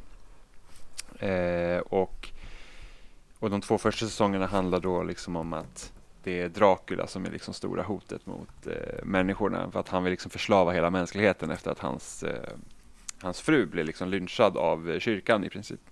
Så det är väldigt mycket sån här och man kan tänka sig ganska stora såna här vampyrtroper liksom från eh, men som ofta används liksom i, i, i, i populärkultur och så. Eh, och, och då Dracula liksom i de två första säsongerna försöker liksom anamma sig en stor armé och liksom ta med sån här Forge Masters kallar de som liksom kan använda själar från helvetet eh, när de dödar när de dödar människor för att göra liksom monster helt enkelt. Eh, och han är då den sista i sin familj som, eh, som alltså hela hans familj är liksom död. Så Mm. att han driver liksom runt och, och ja, typ halvt alkoholiserad och sådär. Och sen är det en, en, en kvinna som heter Sylfa som är som, som är liksom en speaker då så att säga och hon kan liksom magi. Och det är liksom ett nomadfolk så de reser runt hela tiden. Så, det, så de två är liksom typ huvudrollsinnehavare i den här serien. Så de två första säsongerna handlar då liksom om Draculas försök att liksom ta, ta makten och den tredje säsongen börjar liksom efter det. Så att det är liksom typ som the aftermath, vad händer efter? Eh, och det som sagt, alltså den, den känns väldigt liksom vuxen och kanske inte på ett vuxen på ett plan typ som Bojack Horseman känner, men om man, men om man tänker liksom som om man, om man liksom tittar på mycket anime till exempel och, och serier som typ Full Metal Alchemist eller något sånt, så även om de tar liksom tar tag i väldigt ganska alltså, svåra teman, väldigt mörka teman oftast, så finns det ju ändå lite av den här lättheten i det eh, som, som serier som är mer inriktade till liksom en, en, en ung, yngre publik. Man tänker liksom typ shonen, manga och anime, de är liksom gjorda för, för folk som är liksom i tonåren, om man säger så. Mm. Nös du precis? Nej, jag blåste bort ett katthår. Ja, jag hörde bara såhär Och så här knäppt tills jag säger jag måste fråga, jag kan inte låta det där passera. Jag trodde att jag var mer hemlig än vad jag var. Nej, jag var såhär Man bara mm. Då tänkte jag att du försökte kväva en nysning. Nej, jag hade inte kvävt den nysningen. Kanske lika sä- kanske säkert i coronatider känner jag. Man vet aldrig vad som färdas över nätet. Ja men precis. Det är tur att jag har min sån här mikrofonkondom på så jag inte smittar någon med min pollenallergi. Mm, precis. Eh, men i alla fall så det jag tycker är ganska fascinerande med den här serien det är det att, liksom, att sättet hur, eh, hur folk pratar. Men man tänker ofta så här tecknade serier, det är, det är många gånger så överdrivna röster, eller du pratar ganska högt liksom. Men här så finns det många tillfällen där de liksom pratar väldigt lågmält och så här för att, för att kunna liksom framhäva vad som händer i de här scenerna. Okej. Eh, liksom att det, det, är liksom, det, är ingen, det är ingen ljus värld de lever i, Den är liksom hård, eh, ganska liksom hård och kall och mörk. Liksom det, det är liksom, folk har det inte trevligt helt enkelt, det är liksom svåra tider och speciellt eftersom ja, mänskligheten i princip höll, eller i alla fall i det området där eh, serien utspelar sig så liksom de börjar ju liksom utrota människorna helt enkelt. Eh, så så liksom att folk när de pratar med varandra, det, liksom, det finns ett allvar hela tiden där, även om det också finns en dos humor då, men det blir sällan liksom så här larvigt eh, på det sättet. Så jag tror nog att det här kan typ vara en av de bästa tv-spelsadaptionerna till ett, ja men både film och seriemedium som har gjorts. Oj, det var det värsta. Eh, för att de knyter liksom an till olika delar av Castlevania, så det är liksom inte så att ah, men nu kör vi spel 1 och nu kör vi spel 2, utan det är så att man tar, man tar liksom lite från alla spel eh, och sen så liksom gör man en egen historia av det. Så till exempel huvudpersonen i eh, Castlevania Symphony of the Night är också en, en stor karaktär i den här serien, även om serien inte kör Symphony of the Nights storyline på det sättet. Mm. Eh, och så som jag har förstått det ska även den här tredje säsongen ha tagit med en hel del karaktärer som är liksom från mer obskyra spel eh, i serien också och inte bara liksom de stora. Men, men som sagt, jag har inte jättestor kännedom om Castlevania eftersom jag inte har spelat det så mycket så att jag vet inte. Men även för mig som inte liksom känner till Castlevania på det sättet så tycker jag att serien är väldigt, väldigt bra. Alltså karaktärerna, de får liksom växa, de får liksom ta tag i riktiga problem. Det är liksom det är inte actionen som är i fokus utan det är faktiskt karaktärernas resor. Det är ju det man vill ha när man liksom tittar på en serie, tycker jag i alla fall. Eh, det finns ju liksom inget tråkigt. Ja, men till exempel, så jag har ju också kollat på de här DC-serierna som finns på som eh, CW-nätverket, liksom Arrow och Flash. Och, och ja. där är det så att, ja, där händer ju också karaktärsutveckling och det är väldigt bra, men det är också mycket så här typ att i varje avsnitt ska ju ändå ha liksom action och sådana grejer. Det är liksom så att det blir nästan som ett, ett case of the week i de serierna. Så att du liksom har, ja men det är den här bad guyen i det här avsnittet så kommer det alltid sluta med en stor strid samtidigt som liksom karaktärerna har, har ja men sitt att göra så att säga. Men det liksom blir ändå det här att det känns inte riktigt rimligt. Det är ungefär som i jag kommer ihåg för några år sedan var det när man klagade på att Breaking Bad var liksom för en långsam serie för att han typ kokar inte mätt i varje avsnitt. Nej, för att, det, för att det är allt som händer däremellan som liksom har av betydelse. Och det är något som också är skönt i den här serien, det är liksom att det behöver inte vara flashiga liksom anime-strider i varenda avsnitt för att det är inte det som nödvändigtvis är det viktigaste. Eh, och det känner jag ju ofta liksom i men läser man till exempel manga, så att jag vet som One Piece till exempel, som är typ världens största manga fortfarande. Eh, där händer ju väldigt mycket liksom under striderna, så att liksom berättelsen berättas nästan genom strider och som är flashbacks lite sådana där grejer. Men det gör ju också att huvudpersonen har ju liksom inte varit i princip oskadad på typ tio år. För att det är alltid striderna avlöser varandra hela tiden och sånt kan ju bli väldigt tröttsamt. Oh ja. Eh, så därför är det så himla, därför liksom, om man tittar då på till exempel Arrow Flash som liksom superhjälteserie så hade det varit jättekul liksom att det behöver inte vara strider liksom emellanåt utan det kan liksom vara att vissa avsnitt så fokuserar man på inte hjältedelen utan på personen bakom hjälten så att säga. Eh, för att sen kanske bygga upp till några strider. Och där, där har man ju liksom egentligen typ Tittar man på Netflix eh, Marvel-serier som Daredevil och Jessica Jones och de, de går ju mer i den linjen. Där att du behöver inte ha en fight i varje avsnitt. Till exempel. Eh, för att det är inte det som gör de här hjältarna intressanta. Men vill man bara se en actionserie så visst. Liksom. Men, men eh, jag, jag tycker Castlevania det, det, det, är en serie som är värd att titta på. Eh, speciellt om man gillar spel. Mm. Eh, och han som har gjort Castlevania ska ju även göra en adaption av Devil May Cry.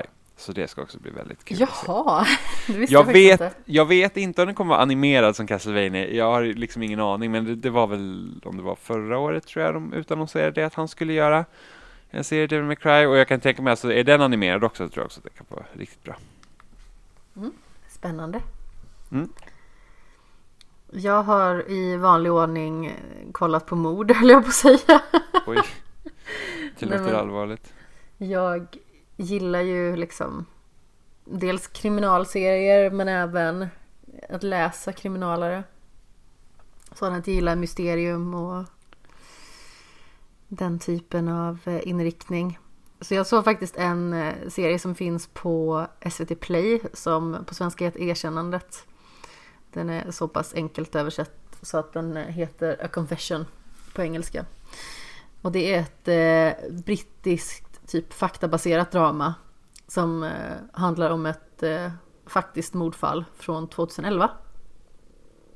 Och då är det Martin Freeman som spelar huvudrollen som då är en mordutredare som heter Steve Fulcher. Och eh, i den här serien så bryter han polis, eh, polisens regelverk så att han ska kunna ta fast en seriemördare och offrar sitt yrke och sin karriär för det här. Eh, bara för att liksom försöka ta reda på sanningen. Och eh, serien tar vid där det är en ung kvinna som heter Sean som har försvunnit. Och då börjar ju polisens jakt på henne, vad som kan ha hänt, om hon har blivit bortförd. Och det är ju liksom vad ska man säga? Deras familj kan ju knappt eller hennes familj kan ju knappt tro att det är sant. Mamman är ju till och med sådär att men hon var väl säkert bara ute med sina vänner. Hon har säkert sovit över hos någon. Och sen så visar det sig att den här unga kvinnan är mördad. Så det här cirkulerar ju väldigt mycket kring den familjen och det de går igenom. Och sedan så cirkulerar serien även, förutom eh, mordutredare Steve Fulcher, eh, också kring en annan familj. Eh, och eh, kvinnan i den familjen spelas av eh, Imelda Stanton. Jag bara så här, jag känner igen henne, men det är ju hon som spelar professor Umbridge. Mm. Oj! Ja, eh, hon är mycket mer sympatisk i den här serien. Ja, hon är verkligen ett riktigt svin när hon är Umbridge faktiskt. Ja, men eh, verkligen. i den här serien är hon väldigt sympatisk och hon spelar en kvinna som inte hört av sin egen dotter på flera, flera år. Och då börjar det successivt nystas upp i vad som har hänt med dottern för hon tror ju liksom bara att hon har brutit kontakten med henne då. Helt sonika. Så den tycker jag absolut att man borde se om man gillar liksom kriminalare. Den är ju inte dokumentär på det sättet utan den är ju skådespelare liksom. Mm. Och det är väldigt bra skådespelare. Jag menar Martin Freeman är en skådis som jag håller väldigt högt. Alltså framförallt i, i rollen som eh, John Watson. Men han har gjort så otroligt många bra roller till till exempel som Tim i The Office. Alltså det är väldigt tvära kast där. Ganska så olika roller. Men han är ju fantastisk tycker jag. Han har väldigt bra timing som skådespelare. Eh, och sen så har de olika avsnitten liksom eh, sin egen inriktning skulle man väl kunna säga. I, i något avsnitt så fokuserar det liksom lite mer på den här personen som de då har tagit in för eh, förhör. Och som Steve Fulcher faktiskt eh, förhör ute i det fria på eget eh, bevåg då. Vilket då sätter hans eh, karriär i jeopardy. Så det är liksom mycket fokus på vad, vad den här personen är för någon onding liksom. En riktig skurk. Mm. Och som sagt, det här har ju faktiskt hänt på riktigt. Så det gör det ju att det känns mycket mer förankrat i eh, någonting viktigare på något vis. Eller som sagt, jag tycker att det är viktigt att ta del av den här typen av saker. För jag menar, visst, alla kanske inte gillar att kolla på kriminalfall. Men eh, jag tycker ändå att det är viktigt att det medvetande görs liksom om att det finns där ute på något vis. Mm. Jag menar det finns mycket hemska människor i världen. Man kan ju nästan inte tänka det liksom själv när man spatserar runt i sin egen ganska så lugna värld på något vis. Mm. Och sen så har jag också ägnat mig åt lite mer fiktion då på kriminalplanet. Det var nämligen så att jag eh, läste ju jättemycket Mumin där ett tag. Eh, och sen så kände jag liksom att jag blev sugen på att dra igenom någon kriminalare så jag skrev ut på Twitter och fick tips om eh, en bok som heter Alex, eller Alex, av Pierre Lemaitre. Som då är en eh, fransk bok från allra första början. Och det handlar om en ung kvinna som blir överfallen och kidnappad. Hon blir satt i en träbur av sin förövare. Hon sitter där naken utan ordentlig liksom, mat och vatten. Och han säger liksom att det han vill med henne det är att se henne dö. Och i början så förstår man ju liksom inte först varför på något vis eh, han skulle vilja det. Och den här boken är intressant på det sättet att den tar väldigt liksom tvära vändningar. För man tänker ju liksom att den här boken kommer cirkulera kring hennes bortförande på något vis. Att, att hon ska hittas. Mm. Men sedan så vänder boken eh, ganska så snabbt. Så riktas fokuset åt ett helt annat håll. Eh, och eh, det, det, har ju liksom en specifik huvudkaraktär också. Det är en kommissarie Camille Verhoeven. Det lät som ett skämt. Va? Kommissarie, vad säger det igen? Jag vet, Camille Verhoeven tror jag han heter. ja, det låter som ett nonsensnamn. Men Ja. stavas Camille. Eller Camille, rättare Mm. sagt. Men sen så är det ju Verhoeven som eh, eh, regissören tror jag stavar på följande vis också.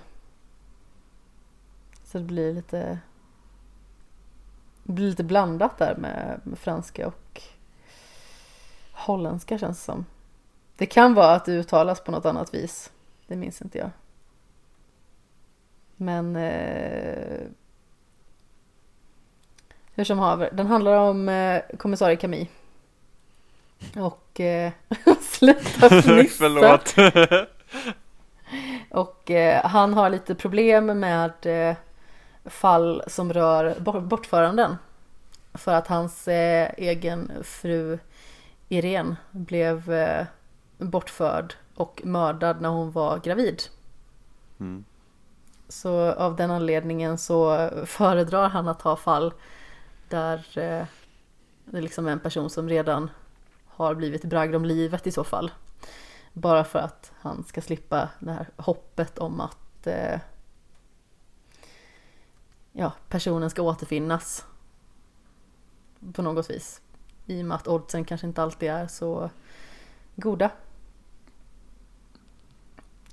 Eh, och problemet är ju också liksom att man vet ju inte riktigt vem det är som har blivit bortförd. För de får liksom bara ett larm om att det är en ung kvinna som har blivit bortförd. Mm. Det är ingen som vet vem det är. Utan de får liksom signalement på henne, de får signalement på mannen och den här skåpbilen som hon blir bortförd i. Och sedan så påbörjas liksom Ja, jakten på, på dessa. Och precis som jag sa tidigare så är det ganska så tvära vändningar boken igenom. Vilket jag tycker om för att det är liksom det finns ju inget värre än när det liksom är så strömlinjeformat så att man kan gissa exakt vad som ska hända hela tiden. Mm. Så det är ju kul när man kan bli överraskad. Och det är en väldigt välskriven bok också tycker jag. Så den kan jag absolut rekommendera. Men vi hade ju tänkt att göra en annan sån här liten specialare idag för vi har ju inte direkt sett någon gemensam serie eller spelat något gemensamt spel. Oftast när vi har spelat spel ihop så pratar vi om det i spelsnack. Så då är det väldigt lätt att vi ja, upprepar oss. Då är det roligare att prata om någonting som vi kanske inte har pratat om. Mm. Men i och med att det liksom är lite så här domedagstider, det är väldigt många som som sagt isolerar sig själva och det kommer naturligtvis upp mycket på sociala medier om att ja men eh, nu när du sitter i kar- karantän, vilka spel ska du spela eller eh, det här är de eh, tio bästa filmerna du måste se när du är i karantän. Då tänkte jag att vi skulle göra någon form av, jag vet inte variant men Nej, men vi utgår ifrån att vi liksom på något vis har möjlighet att se en film, en serie, spela ett spel och läsa en bok. vi har ingen uppkoppling på något vis utan vi kanske har eh, en konsol som man kan spela respektive se på då. Mm. Och då är ju förmodligen eh, de här tingen i fysiska format. Så jag tänkte att vi skulle gå in på att vi skulle välja varsin sak i respektive kategori. Som Mm. vi då kommer konsumera resten av tiden. Tiden är naturligtvis lite flytande. Jag har inte kommit på något mer spännande än så. Men jag tyckte att det var lite kul koncept sådär. Om du fick välja en film som du skulle behöva se om och om igen. Vilken skulle det vara? Får man välja en trilogi? Om jag har den på box? Eller är det fuska? Det är lite fuska kan jag tycka. Ah, Faktiskt. lite fuska. Mm. För då vill man ju gärna, Vilken skulle alltså, du valt då? Skulle du Alltså, valt jag- Sagan om ringen? Jag tänkte i Sagan om ringen-trilogin. Din skurk. Eh, just för att man vill ha gärna en lång film om man ska se den många gånger. Eh, och sen vill man gärna se en bra film om man ska se den många gånger. Absolut. Men om jag inte kan välja Sagan om ringen-trilogin så... Ah! Alltså är det nu jag drar till så här, ah, men jag hade valt första Pirates-filmen, den har jag sett 13 gånger på en vecka när den var ny, så jag kan väl se den typ 13 gånger igen under loppet av några dagar.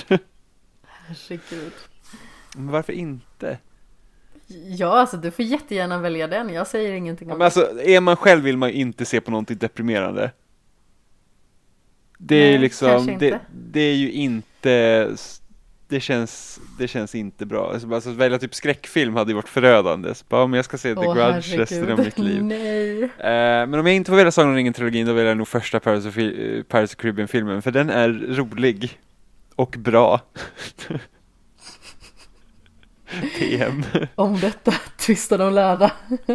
Ja, Nej, men fortfarande, jag tycker typ det är en av Johnny Depps bästa roller liksom. Jag- Det är någonting med den filmen som bara klaffar. Det är liksom, man har en man har- egentligen ser, man har en piratäventyrsfilm som hela tiden gör det oväntade, helt enkelt. Alltså bara introt när han kommer liksom in på sitt piratskepp och står uppe i masten och man tänker wow, liksom det här är en riktig liksom det här är en pirat man kan verkligen räkna med och sen så kommer han in mot bryggan och då, då har liksom hans lilla loje sjunkit där liksom. Det, det är liksom helt kört. Så att, jag vet inte, den, den filmen är bara, den är helt fantastisk. Så den hade jag valt. Jag tycker det är inget att skratta åt.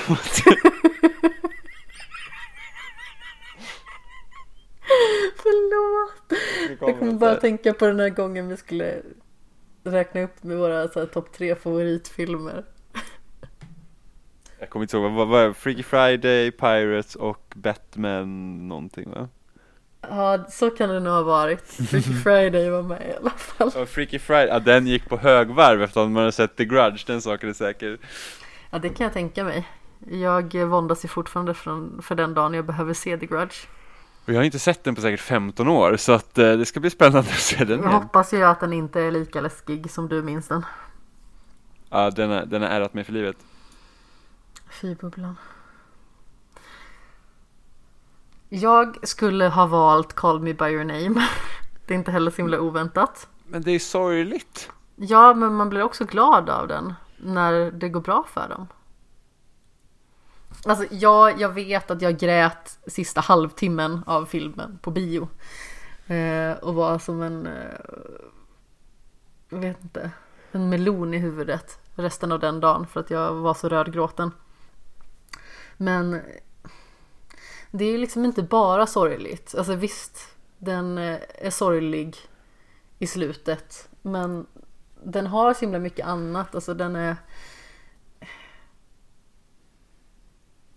Dels har den liksom så himla mycket undertoner som man märker nya saker hela tiden, tycker jag. Man märker liksom små hintar som man inte tänkte på när man såg filmen första gången.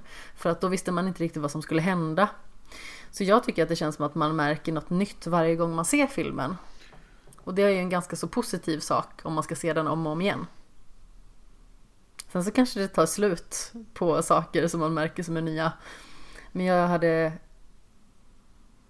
gladeligen sett den filmen om och om igen.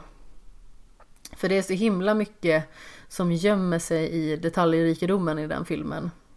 Saker som eh, gör en både ledsen och glad naturligtvis men eh, sådana små saker som verkligen lyfter filmen bara ännu mer. Mm. Om du skulle välja en serie då? Då skulle jag välja Vänner. Jaså, varför då? Eh, nu är det i och för sig länge sedan jag såg hela serien, eh, men det var i alla fall en av mina favoritserier. Eh, och min favoritkomediserie tills jag såg Parks and Recreation och Brooklyn 99. Men anledningen till att jag skulle välja Vänner är för att det är tio säsonger. Den är, det betyder att den alltså är lång. Vilket gör att man kan se om och om igen på den. Eh, och det är också så här, ska man vara ensam och instängd, eller instängd, vad var vi? Var vi på en öde eller var vi i karantän? Du får ursäkta att jag inte minns. Alltså jag vet inte riktigt om jag har specificerat det egentligen. Alltså... Vi är i alla fall själva. Ja, men tänk dig liksom att vi måste ta tillflykt någonstans. Säg typ ett, ett ställe som fortfarande har elektricitet men det har inte nätverk. Mm. Okej, okay. men det ändrar i alla fall inte vad jag tycker. Så jag skulle välja vänner. Det får du göra. Men det är väl lite samma sak egentligen av vad som jag tycker, liksom att varför jag skulle välja Pirates som film, att det är liksom en serie som man kan liksom titta på och må bra av, om man nu ska vara avskärmad från resten. Eh, för det, alltså det är väldigt kul att se de här sex vännerna gå igenom liksom tio år tillsammans och liksom hitta på olika galenskaper och, och samtidigt tycker jag att Vänner gör som en bra grej som många andra liksom komediserier kan missa. Det är det faktiskt att det som händer i serien spelar roll. Eh, det är liksom inte statiskt liv genom sex eller tio säsonger utan det är folk blir tillsammans med varandra eller eh, gifter sig med andra människor liksom så att, så att det som händer i serien har påverkan eh, och ganska drastiska sådana. Även om det liksom inte händer saker som liksom är sorgliga på det sättet, men liksom det finns en progression i, i serien. För det är något till exempel Ja, jag följde Big Bang Theory och den serien liksom gick i snigelfart. Det liksom hände ingenting emellanåt och att man, man tänker sig att karaktärer bråkar om samma sak i säsong 8 som de gjorde i säsong 4. Så att eh, på den nivån liksom är inte vänner utan det, det liksom sker ganska drastiska förändringar under tiden. Liksom två stycken av karaktärerna gifter sig med varandra och liksom Sen finns det liksom, alltså det roligaste med en sån här serie och som pågår så länge det är det att de kan ju börja skäm, de kan liksom ha så här, skämta om sig själva på ett annat sätt. Eh, saker som har hänt tidigare. Så att har man följt serien så hänger man också med på de skämten för att det är liksom, ah men det där kommer jag ihåg i säsong fyra och nu är det säsong nio liksom och vi skojar om det igen. Så att eh, det är en serie som jag liksom känner att jag skulle kunna titta om flera gånger liksom. Eh, och ha kul med. Vilket jag har gjort redan. Jag har ju sett säkert den serien helt igenom typ 8-9 gånger. Men det... Va? Ja gud ja, alltså jag brukade, alltså innan man hade liksom bra internet och att man hade liksom mycket mer tid. När du hade potatisinternet? Ja, men true story. så, så är det ju så att när man inte hade liksom oändlig tillgång till ny media så blir det så att man ofta tittade om på saker. Och Vänner var ju något som man tittade om på flera gånger per år. Uh, nu är det flera år sedan jag såg den dock igen. Men uh, den, den, jag, jag gillar den serien väldigt mycket. Vänner har verkligen aldrig riktigt varit min grej. Alltså jag har lyckats eh, komma över ett gäng avsnitt när det gick på, visst var det femman? Ja förr i tiden när man kom hem från skolan och sådär. Men jag har aldrig fastnat för det riktigt. Alltså den, jag och min syster när vi började köpa DVD-boxarna så vi trodde att det skulle vara en dramaserie. Vilket det inte är. Eh, och då blev det ju väldigt jobbigt att börja titta på den för att det kändes som att allt var ett skämt för de här personerna. Det var liksom var superjobbigt att se. Men sen när man liksom kommer in i det då är det liksom, då är det superbra. Jag har liksom väldigt svårt för de flesta av karaktärerna. Man kommer in i det.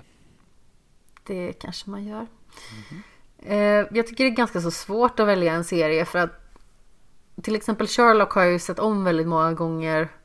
Och där är det också så att man ser nya saker nästan varje gång. Eh, ledtrådar ehm, saker som man inte har tänkt på tidigare. Men jag skulle förmodligen inte välja den, dels för att den är så kort. Det är ju som tre stycken långfilmer i varje säsong. Och dels för att lite samma sak där som du var inne på, att man kan behöva lite humor också. Och jag funderar naturligtvis på Parks and Recreation för att det är en väldigt bra serie som jag tycker om väldigt mycket men den är som bäst någonstans i mitten. Och det är ju liksom under den tiden när vad ska man säga Ben och Leslies förhållande är som mest sprakande på något vis. Sen så finns det väldigt många jätteroliga karaktärer också. Alltså ta bara Ron Swanson, han är ju något av det roligaste som har gått i ett par skor. Ja. Hans bitterhet, alltså det är få saker som är så roligt. Antiroligt på något vis. Eh, sen så funderar jag lite på The Office som jag också såg ganska så nyligen. Men det finns himla många som är sådär ska man säga pinsamt roliga. Alltså det finns ju några karaktärer som man tycker om väldigt mycket och som man lär sig att tycka om. Första säsongen tycker jag är en katastrof. Eh, liksom med facit i hand sådär. Det var mer så här att när jag såg den så tolererade jag den och jag ville se vad som skulle hända. I och med att det har sagts att den skulle få ett uppsving och bli sin egen. Men första säsongen är verkligen inte någonting att hänga i granen och sen känns det som att det är väldigt många så här mellanavsnitt. Det finns en del karaktärer som gör lite skumma val också och sådär. Och jag vet inte riktigt. Det är någonting med, med serien som, trots att jag älskar den, så är det väldigt många gånger som man tycker att fan vad de här karaktärerna är pinsamma nu. Jag vet inte vad jag ska ta mig till. Eh, men jag landade någonstans faktiskt i just Brooklyn 99. Mm. För att nu när jag har börjat komma, kolla om den här från början så märker jag att fasen vad jag tycker om alla karaktärerna. Redan från början. Första gången jag såg Brooklyn 99 så avskydde jag ju Jake Peralta. Mm. Jag tyckte att han var en riktig pajsare som inte tog någonting på allvar. Han var irriterande. Han gick alla, inklusive mig, på nerverna. Ehm. Men nu när jag ser om det så förstår jag inte vad jag retade mig på. Men det är väl för att man måste liksom komma in i vem han är som karaktär.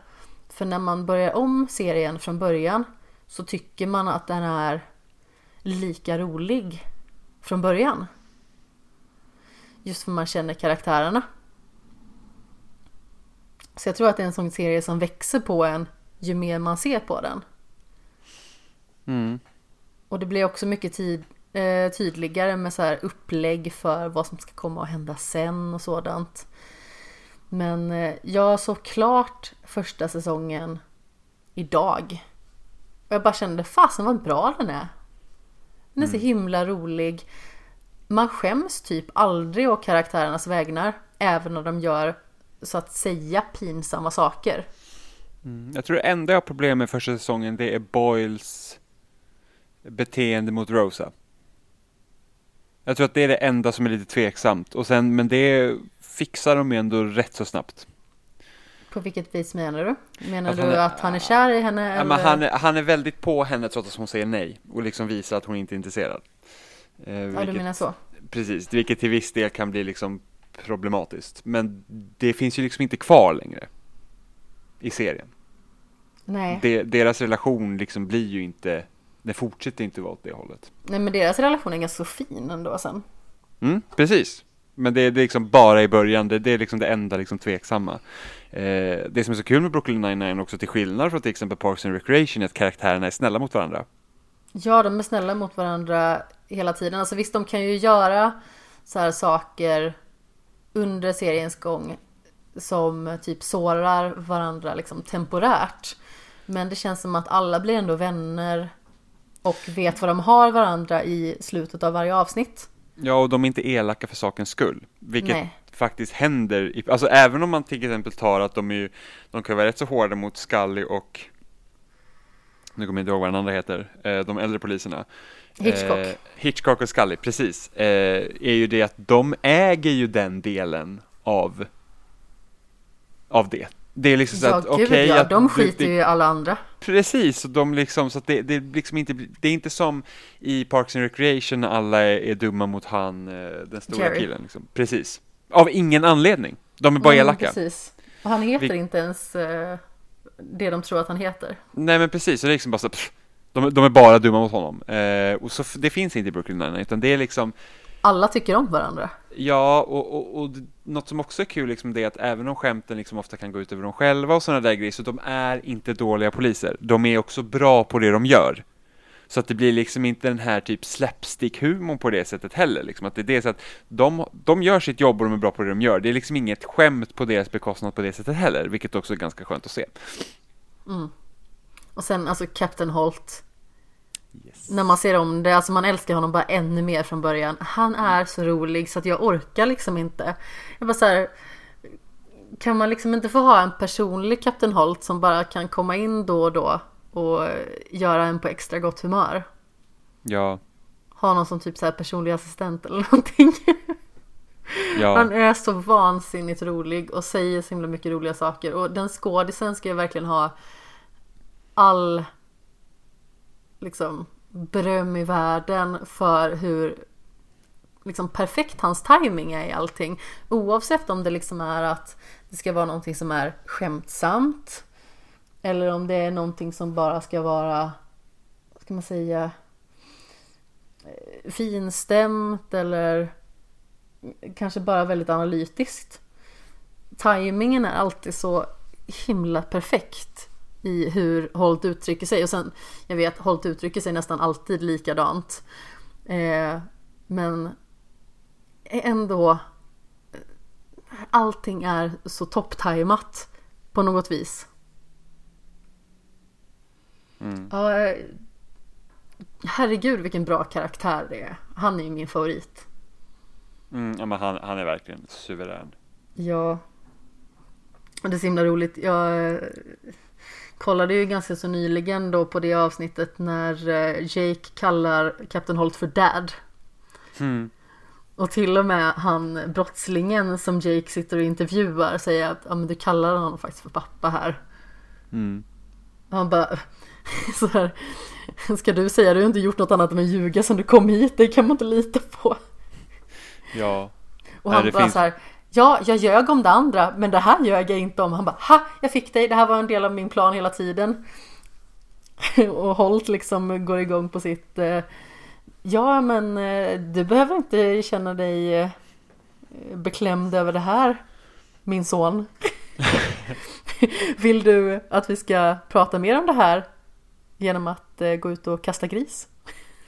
ja, Och det är så himla roligt för Jake bara så här, I'd like that. Ja. så himla Ja. roligt. Det är verkligen väldigt kul. Och sen tycker jag kamerarbetet i den serien är också helt fantastiskt med tanke på att den ofta signalerar punchlines. Ja. Eh, hur de zoomar in och vad de fokuserar på det tycker jag också är väldigt bra. Mm. Eh, jag tror mitt favoritavsnitt i hela den serien det är, om det är säsong fem tror jag, så är Hur det, minns du det? det, det är Jake och Holt sitter och intervjuar en brottsling. Och det är hela avsnittet. Det är så bra. Och sen precis som i Vänner det ja. så har de också så här temaavsnitt där de har heist kring halloween för hela kontoret. Det är ja, så himla Thanksgiving. roligt.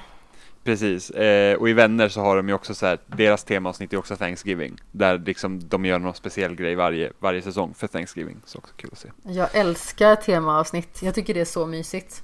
Jag med. Det, även i liksom en serie som Vänner då som är tio säsonger så med jämna mellanrum så har det även så här tillbakablicksavsnitt där man liksom får se från tidigare säsonger. Liksom, de har liksom nystat in en ny storyline. Så det är också Mm. kul att se tycker jag. Jag är ju liksom inte en sån person som eh, gillar traditioner per se. Så, alltså jag är ju inte så jättejulig av mig. Firar väl inte direkt påsk eller alla hjärtans dag eller midsommar eller sådana grejer.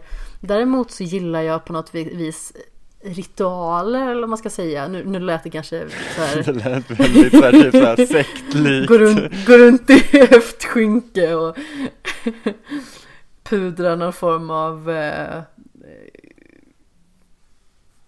puder gjort av eh, krossade fladdermusben eller något. Nej men eh, inte så utan alltså, ritualer, att man gör någonting om och om igen. Mm. Eh, alltså dels för att må bra. Eh, men, men även liksom sånt som man kanske gör, alltså skapa sina egna traditioner. Typ, men det här gör jag alltid vid den här tiden på året. Eller, eller sånt, jag tycker det är fint. Och just den här eh, heist-grejen i Brooklyn 99 är ju en sån grej som är briljant verkligen. Det är så roligt. Mm. Har inte du så ritualer för det? Jo, det måste du ha. Vadå för ritualer? Ja men in, inte fladdermusben och sånt utan eh, sånt som, som man gör varje dag. Alltså jag är jättemetodisk när jag går upp på morgonen till exempel. Alltså jag är ju ingen frukostmänniska på något vis. Men jag stiger upp, jag bäddar alltid sängen innan jag gör någonting annat. Jag vet att det måste jag göra för att det ska liksom vara ordning och reda. Vad hemskt när du är hemma hos mig och jag bäddar aldrig sängen. Men det är ingen fara, då är jag hemma hos dig. Det är ju Ja, men- inte min säng. Ja. Eh, nej, jag har inga ritualer. Jag, förutom att jag måste hålla liksom koll på diabetesen så har jag inga andra ritualer. Det är liksom så att när jag stiger upp på morgonen och går på toa och kollar blodet. Det är det första jag gör. Men Ja. annars jag ingenting. Det, det är liksom, jag har ingenting att jag måste göra någon i viss ordning eller, eller liksom att åh, nu känner jag mig vaken. Utan det är, nej. I, inga måsten på det sättet. Nej, jag har inte så jättemycket måsten heller, men det är liksom en sån grej. Jag måste alltid bädda sängen när jag stiger upp. Men jag, jag bäddar ju inte sängen direkt när vi stiger upp här hemma i Alingsås heller. Eh, nej, alltså de, jag, är ganska så, jag är ganska så snabb på att bädda sängen när både du och jag har stigit upp. Ja, men det, det enda jag liksom gör det är ju sådana måsten som jag har, som att jag måste hålla koll på var- vart jag ligger och jag måste gå ut med hunden. Ja, precis. Det är ju liksom de grejerna som, som jag måste göra, annars är det liksom ingenting att jag liksom säger att nej men det här gör jag alltid när jag kliver upp eller det här gör jag alltid så, utan det, nej, det har jag inte. Nej. Ja, Jag är ju väldigt mycket rutinmänniska känner jag. Alltså jag har Oftast ingenting emot för att jag måste på något vis. Jag har liksom inte emot att ha rutiner och så och jag, jag tycker om när saker och ting liksom är typ till exempel om jag jobbar så jag jobbar gärna med samma kollegor liksom att, att det är hemskt när någon slutar. om man Mm. tycker om personer vill säga. Eh, Jo, tycker, det är ju en förutsättning. Ja, eh, på, på de sätten så det tycker jag ju liksom om. Men annars så nej, alltså det, nej. Jag behöver inte ha liksom samma. Jag är ju väldigt stort behov av struktur oftast, alltså i min vardag och sådär. Jag har säkert nämnt det här tidigare, men skulle jag sitta hemma en dag och spela och inte ställa klockan. Eh, för det brukar jag göra när jag ska göra vissa grejer, typ när jag ska äta och sånt. Så brukar jag ställa klockan för att jag ska hålla koll på vad tiden är. För att annars så kan jag ju tappa bort mig själv fullständigt, för jag har ingen tidsuppfattning. Så helt plötsligt kan jag liksom ha suttit hur länge som helst och bara så här, jaha, fan det börjar bli lite mörkt ute. Alltså, jag är typ den personen när jag är ensam. Ingen tidsuppfattning överhuvudtaget. Mm. Så därför försöker jag ha kontroll eh, genom att sätta larm. Så att jag kommer ihåg att äta. Någorlunda regelbundet. Mm. Och träna och sådana saker. Mm. Men vi ska gå vidare tänkte jag. Nu snöade vi in väldigt mycket på serier men det är bara för att det är ett väldigt älskvärt medium liksom. Det är ju så himla skönt att hitta någon serie som man bara kan slappna av till på något vis. Mm. Det är så skönt att jag vet att jag liksom har en massa säsonger Brooklyn 99 framför mig. Jag har precis börjat på säsong två. Mm. Och visst, jag har sett den innan. Men då blir det extra bekvämt på något vis. Mm. Men en eh, bok. Bok tycker jag är svårt. För att liksom det mesta jag tänker, känner liksom med böcker, det är sånt som jag läste liksom när jag gick i grundskolan. För Mm. efter det så har jag inte läst så mycket och jag skulle inte vara så här skitsugen på att sätta mig någon så här kurslitteratur med typ tung medieteori och bara så här, mm, det här ska jag vilja läsa resten av min tid på den här hypotetiska platsen. Ja. Eh, och de senaste åren har jag mest, liksom, när jag läst på sommaren så har jag ju läst böcker i serier också. Så att det blir liksom att då får man inte den här breda spektrat egentligen av av böcker, alltså olika typer av böcker. Men om jag måste välja en bok så skulle jag välja Harry Potter och den flammande bägaren. Eh, eftersom man inte får välja en Mhm. hel serie så Låt inte så besviken på mig nu. eh, Du bara så du har satt upp dåliga regler. Precis. Eh, och så... Nej, men jag tror att min favoritbok i Harry Potter-serien är Flammande bägaren och det är just för att jag tycker att det är så spännande med eh, att det är liksom så här, det öppnar upp universumet lite, det finns olika skolor och det är liksom, det är liksom Trollkarlsvärlden blir liksom, liksom mer internationell och den har väl olika liksom, eh, traditioner beroende på vart man kommer ifrån. Just det hela tävlingsspektrumet det är liksom jättespännande tycker jag. Eh, så det är alltid den boken jag tyckt mest om. Sen så lovar jag att om jag skulle läsa om den idag så skulle man hitta massa problematiska typ stereotyper över hur de porträtteras och så här. Du har liksom, ja men egentligen så här, ja men det är självklart den ryska skolan är fullt av ondingar och du har eh, du har eh, den franska flickskolan, liksom vad, vad betyder det? Liksom varför, varför porträtterar man fransyskorna på det sättet? Finns det liksom någon underliggande eh, grej där att titta på? Varför är det så? Eh, Mm. hur, hur porträtterar man egentligen den här typen av för att, för att det är egentligen så mycket med, om man tittar på hela Harry Potter-serien så finns det ju massa sådana grejer liksom så att, ja, men i Gringotts till exempel så har det ju svartalferna som håller på att vända pengar, liksom, vad ska de representera? Eh, du har ju hela de här husalferna som liksom egentligen är förslavade och på något sätt så typ porträtteras det också som att vara okej i serien. Eh, vilket också är ganska spännande. Eh, Så Mm. det hade varit kul att läsa liksom hela serien med liksom den liksom förstoringsglaset och titta på liksom, okej, vad, vad, vad, vad gör vi faktiskt här med de här olika grejerna och varför är det okej och eh, vad, vad säger det liksom. Men eh, det skulle jag nog inte göra om jag skulle läsa Flammande bägaren i, i det här grejen. Men, men den den ska vi läsa. Alltså det, är, no, det är någonting i alla fall med Harry Potters, liksom hela den världen, att man bara kan leva sig in i. Alltså jag tycker ändå att hon skriver så pass inlevelsefullt att det, liksom, det är inte svårt att se att det här skulle vara en plats som finns på riktigt. Ja, Hon är en fantastisk författare verkligen. Jag älskar ju den serien av hela mitt hjärta. Den är ju helt makalös. Däremot så skulle jag nog inte välja en av de böckerna. För att jag tycker att helheten gör det så himla mycket på något vis i slutändan. Även att eh, Harry Potter och Fången från Azkaban är ju min personliga favorit.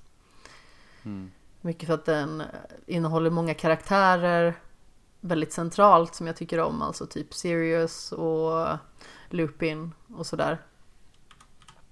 Eh, Men jag skulle ju välja Dennis Lehanes Patient 67.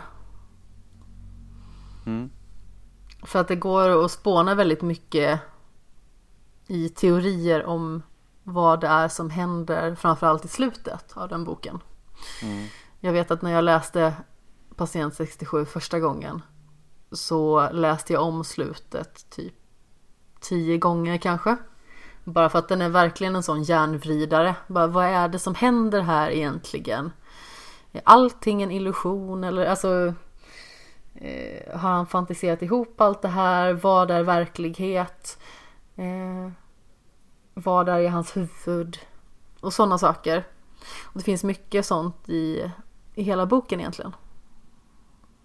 Och sen i filmen, alltså även känd som Shutter Island.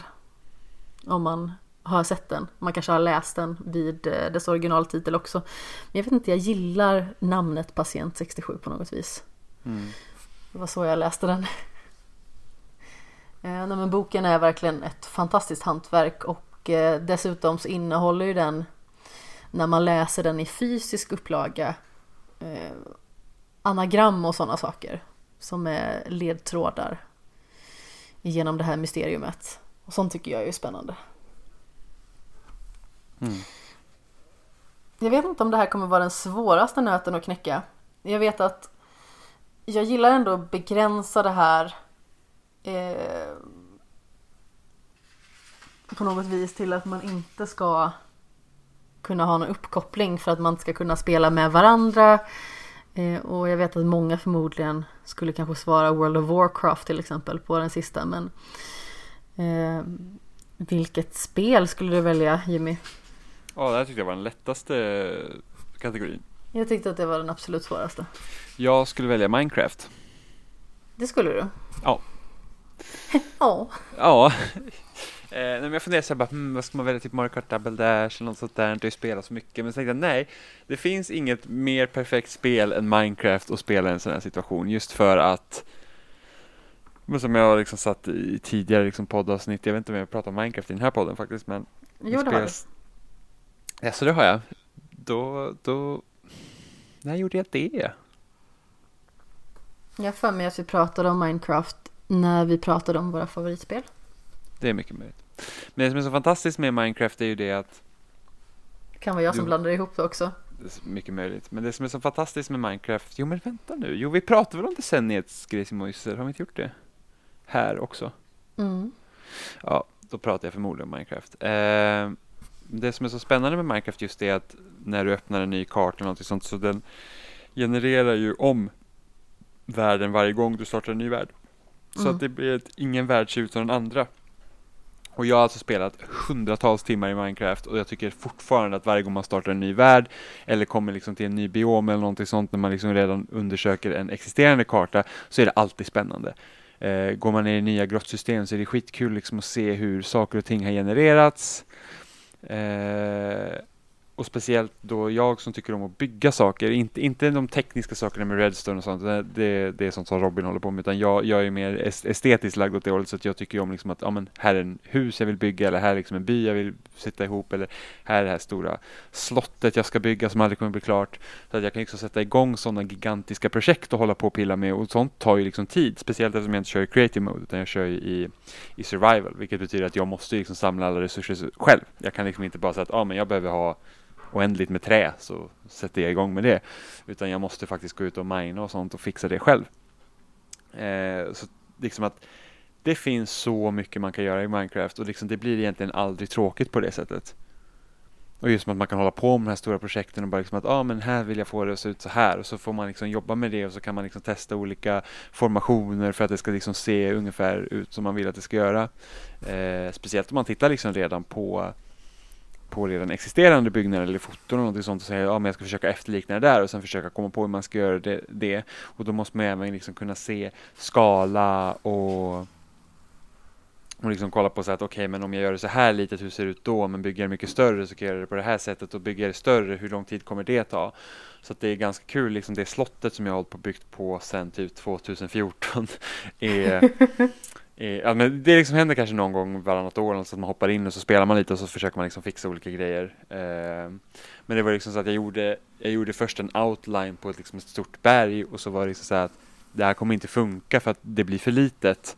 Eh, och så, så går man liksom ner och tittar på där vart jag faktiskt har byggt de här grejerna så är den liksom typ fyra fem gånger så stor som jag hade tänkt från början. Eh, och det har liksom tagit mig hundratals timmar bara att liksom komma till den varianten jag är nu och så har jag flera kompisar som liksom har hjälpt samtidigt med, med olika grejer då. och liksom så att man inte alltid har gjort allting själv men det är fortfarande liksom min idé som, som ligger liksom till grund för det. Eh, och det som är ganska kul att se liksom att varje gång man liksom börjar på ett nytt projekt så blir det ju bara större och större. Eh, så att jag och Oliver när vi spelade Minecraft när det var nytt på 360 och där är det ganska kul på 360 för att den kartan var väldigt liten. Eh, och ändå var det spännande att utforska så det kändes väldigt stort även eh, när spelet var nytt och man inte var van vid systemen. Så var det liksom så att den kartan som var väldigt, väldigt, väldigt liten var ju ändå så att Alltså jag lovar, skulle jag hoppa in där idag och liksom i den gamla kartan så skulle jag fortfarande hitta nya saker Ja. att utforska. Eh, och där har vi byggt så himla mycket. Så vi började liksom med ett hotell och sen byggde vi berg och dalbana och sen så byggde jag och Robin en stor vinterby. Och liksom så, att, så att allt liksom ex- eskalerar hela tiden. Men Minecraft är ett helt fantastiskt spel. Så det skulle jag välja. Ja. Som sagt, jag tyckte att det var lite svårt på något vis. Vi kommer ju ha en, en lista som kommer ut här några dagar med spel som man skulle kunna spela mycket. Och jag har ju liksom funderat kring, ja men det något spel man skulle vilja typ ta platina i. Men samtidigt så det tar ju ändå någonstans slut. Jag menar typ såhär Batman Arkham Asylum vill jag ju ta platina i någon gång. Eh, även Celeste. Och det finns ju väldigt stora spel att förkovra sig i. Jag menar jag har inte sett allting, tror det eller ej, i Horizon Zero Dawn. Ehm, The Witcher 3 är ju enormt. Det finns så himla mycket att göra där. Och sen så är det ju så också att eh, jag har fått en eh, nyfunnen kärlek i eh, Stardew Valley på lite senare dagar. Så det är också en sån sak som är eh, fin att bara mysa runt i. Men jag eh, tänkte faktiskt på eh, The Sims. Landade i slutligen. Och det är ju Mm. så här att jag eh, spelar ju Vilket The Sims? Jag kommer till det. Okej, ursäkta. Nej men så The Sims 2 var ju en väldigt tydlig del av mig under den eran när jag var någonstans 12 till 17 år och jag spelade det väldigt mycket som alltså, dels en verklighetsflykt och den världen blev någonting som var tryggt för mig när det var mycket saker som var obehagligt och främmande och det var liksom ett sätt att hantera verkligheten. Men eh, i och med att vi är ju ytterligare ungefär 10 år framåt i tiden från när jag slutade spela det. Så känns Mm. det ju som att då skulle jag vilja sätta tänderna ordentligt i The Sims 4. För att det är ju trots allt så att eh, det har jag nästan inte spelat. Alltså om vi drar det i relation till The Sims 2. Jag har mest eh, känt på det lite grann och kommit fram till att det borde man ju definitivt spela på dator istället. Så kanske på en eh, bra laptop med bra prestanda eller någonting. Jag vet inte. Mm. Eh, kunde vara fiffigt att ha med sig. Men eh, The Sims eh, 4 skulle jag nog vilja säga ändå. För att alltså det är ju uppdaterat. Och det är nya saker. Och var sak har sin tid på något vis. Och det känns som att The Sims 2 har haft sin tid. Och nu är det dags för The Sims 4 att ha sin tid. Mm. Och jag känner ju personligen att jag skulle vilja, alltså på min fritid, verkligen sätta mig ner och djupdyka i The Sims 4. Men jag har liksom inte riktigt motivationen till det längre. Alltså den typen av spelande fungerar inte så himla bra med min personlighet. För jag gillar ju att bli klar med saker. Mm.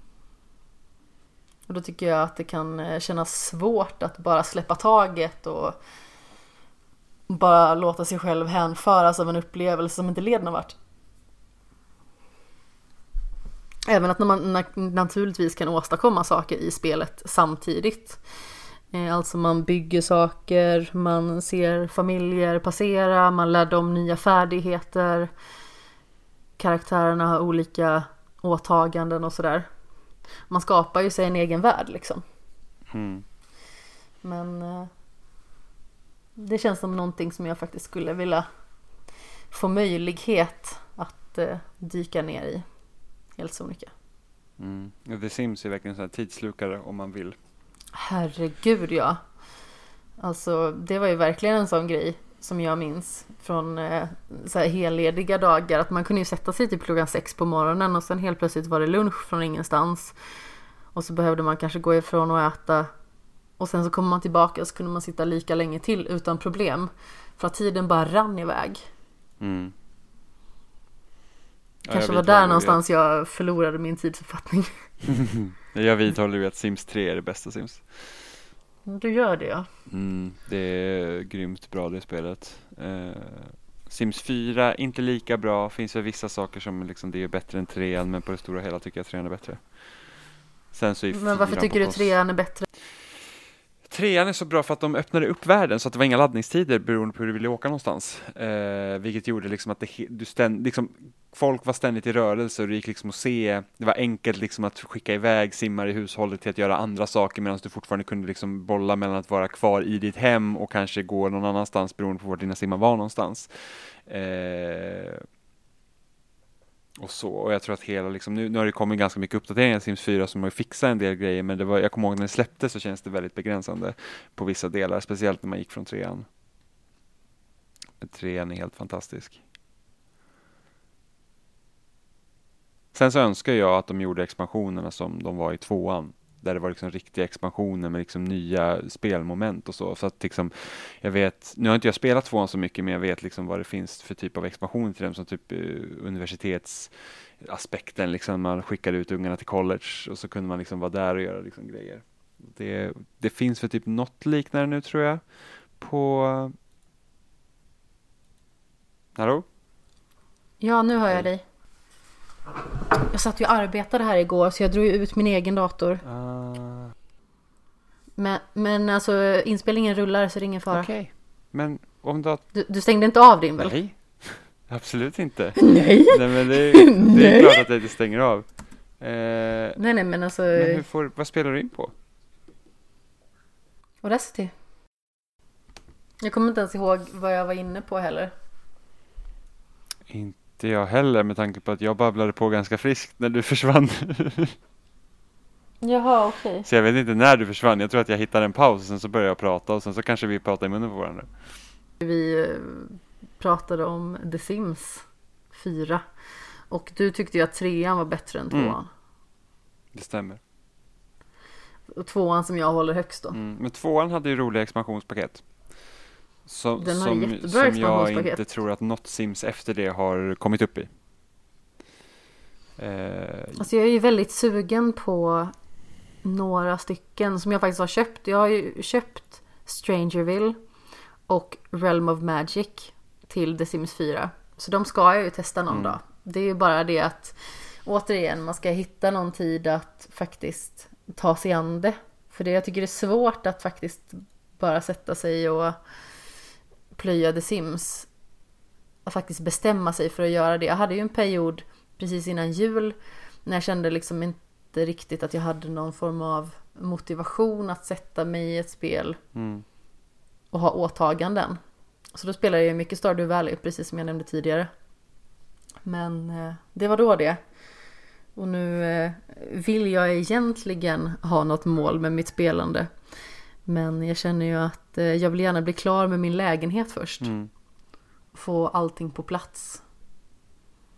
Det är svårt liksom när man ska försöka matcha att jobba och ha klasserna och klienter och sen så ska man dessutom försöka att hänga med i svängarna. Det är svårt där. Mm. Och så är man nyinflyttad. Och eh, nu har jag ju förvisso bott här i en och en halv vecka ungefär. Men det känns som att det är väldigt mycket som inte har kommit på plats. Mm. Och det känns lite sorgligt. Ni får ursäkta, det är min katt som jagar löv här bakom. Han har mulat en planta. Ja. Han är lite säregen. Jag vet inte riktigt om vi hade någonting mer att tillägga om just det där. Det kändes som att mitt scenario som jag målade upp var ett lite löst scenario. Det gör väl inget. Jag vet, men det känns som att jag borde ha spånat i det där lite mer. Själva tanken är i alla fall att man ska vara isolerad på något vis från omvärlden. Att man liksom inte har den klassiska anslutningen som vi har idag när vi liksom kan få, få reda på all information genom bara en knapptryckning. Eh, Där vi liksom inte kan kommunicera med varandra på samma vis. Katt, sluta leka parkour. Herregud, han hoppar på väggen och har sig. jag hör. Ja. Fåntratt. Ehm, och att man kanske är på liksom ett ställe där det fortfarande i alla fall finns elektricitet. På något vis. Ja, som sagt. Det ska ju också vara liksom så här görbart på något vis i, i teorin. Men eh, det var min tanke i alla fall. Och just det här liksom om man bara ska välja en. Det är så svårt. Mm. För att det finns ju liksom så mycket som man spånar kring. Mm. Eh, och man märker ju i det valet hur eh, beroende vi är i dagens samhälle liksom av att vara aktuella. Att, att upptäcka nya saker. På något vis. Mm. Vi är ju inte på något vis svältfödda på eh, liksom nya serier eller film. Men det blir ju också så just i de här smittohärjade tiderna som det är nu. Där många liksom sitter inne och det är väldigt många alltså kulturella platser som stänger igen. Alltså jag menar biograferna stänger ju igen tills vidare till exempel. Mm. Och man märker ju liksom vilken eh, vilken frihet man har haft tidigare. Nu har jag ju liksom inte behövt vara isolerad på det sättet men när man liksom ser allting börja stänga igen, ställen får liksom så här ekonomiska problem, får problem att hålla liksom igång sin verksamhet. Mm.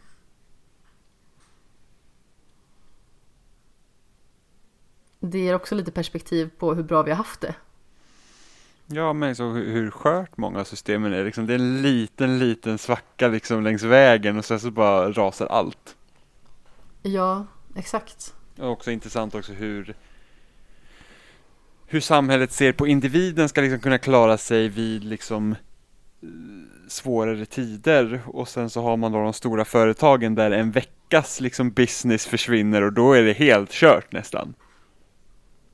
Mm. Så då är liksom För det är en ganska intressant grej liksom i USA när de snackar liksom om att Vi kan inte ha sjukvård för alla För att vi har inte råd Och nu skjuter man till flera stycken olika liksom paket för att rädda ekonomin Och då helt plötsligt finns Mm. det flera miljarder att, att liksom skjuta till Så Prioriteringar Ja, exakt. Men det ska bli intressant att se sen när man kommer ut på andra sidan om den här liksom pandemin och se liksom vad är det som ändras liksom för att då kan Ja, vad har vi lärt då oss? prioriteringarna av ser annorlunda ut.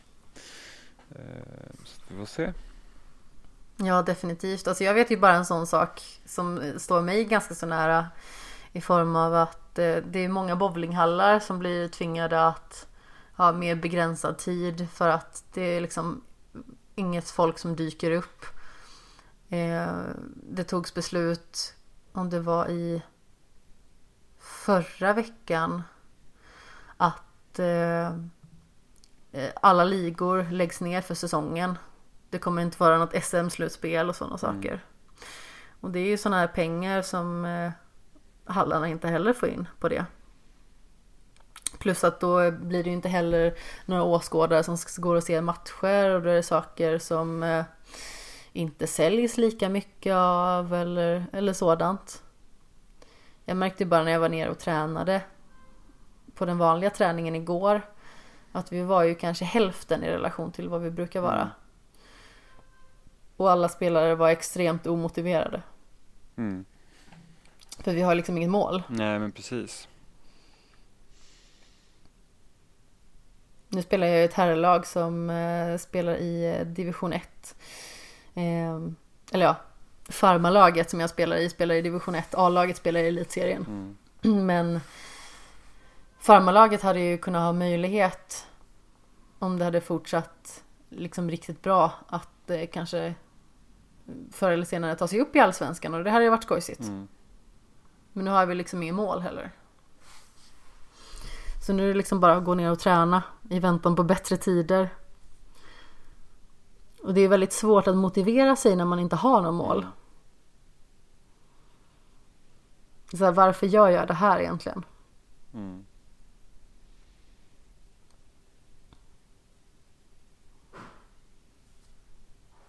Så det ska bli intressant när vi som sagt ser eh, dagens ljus i den här pandemin. Mm. Och eh,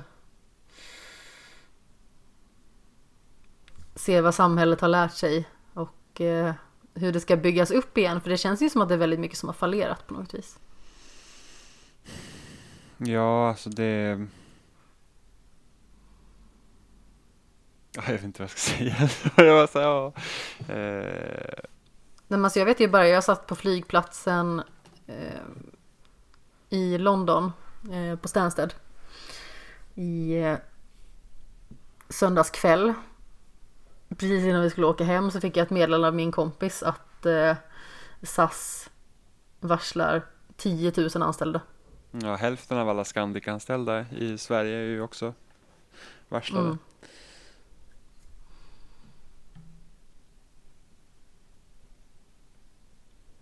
Så jag menar det är ju liksom Det är en eh, dramatisk period Mm, kan man ju lugnt säga. verkligen. Men vi eh, lär väl fortsätta att, att prata om det hädanefter också. Det här lär ju inte dra över eh, på Flera månader. de närmsta veckorna. Nej, precis.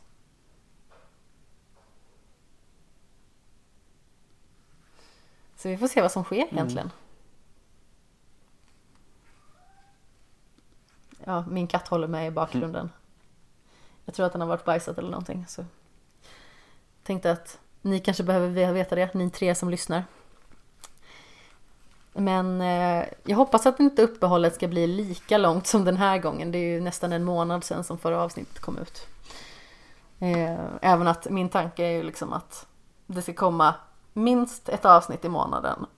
Men eh, eh, ungefär max fyra avsnitt. Eller ja, typ ett avsnitt i veckan. Sen så blir det kanske lite annorlunda också när jag väl kommer igång. I och med att jag har den här eh, topp 100-listan på decenniets spel. Som ska gås igenom. Så den kan ju kanske utgöra att det blir lite fler. Men det får vi se. Men vart hittar man dig Jimmy för någonstans? Eh, jag skriver om spel på loading.se och eh, vi poddar tillsammans i Spelsnack. Det gör vi. Och jag twittrar emellanåt och på @separat13. Vilket är så himla irriterande att mobilens egna autokorrekt bara korrektar ord helt och hållet och så missar man det för att man är snabb. Så det, typ, det känns som att majoriteten av mina tweets blir fel. så jävla irriterande. Jaså, vadå då? Men jag, såg, jag tweetade idag så att ah, i, i de här svåra tiderna så nu är jag redo för helvetet och så fått jag en bild när jag laddade ner Doom Eternal och då hade ni, öv- då hade ni satt ett svenskt ord istället för ready. Vilket var så himla irriterande. Och det märkte inte jag för att jag eh, har svårt att se sånt när jag tittar på det när jag skrivit för jag vet vad jag skrivit. ah, jag förstår. Så att eh, skitstörigt. Och så går det inte att redigera tweets på Twitter heller. Nej, Så bajs i det. fan i hålan som du skulle ha Ja. sagt. Och eh, skämshögen finns ju på sociala medier också. Eh, Snabel av skämshogen på Facebook och Instagram. Och eh, Twitter. Och eh, naturligtvis så kan man ju skriva på snabel A. Nej, herregud. Man kan skriva på skamshogensnabelagmail.com. gmail.com. Ifall man hellre vill mejla. Jag måste bara komma ihåg vad lösenordet är. Det kan ju vara att det ligger något stackars mejl där som jag inte har öppnat. Men eh, sist jag var inne på mejlen i alla fall så var det eh, inget oöppnat. Och jag finns ju på snabel av kapten Sten på både Twitter och Instagram. Mm.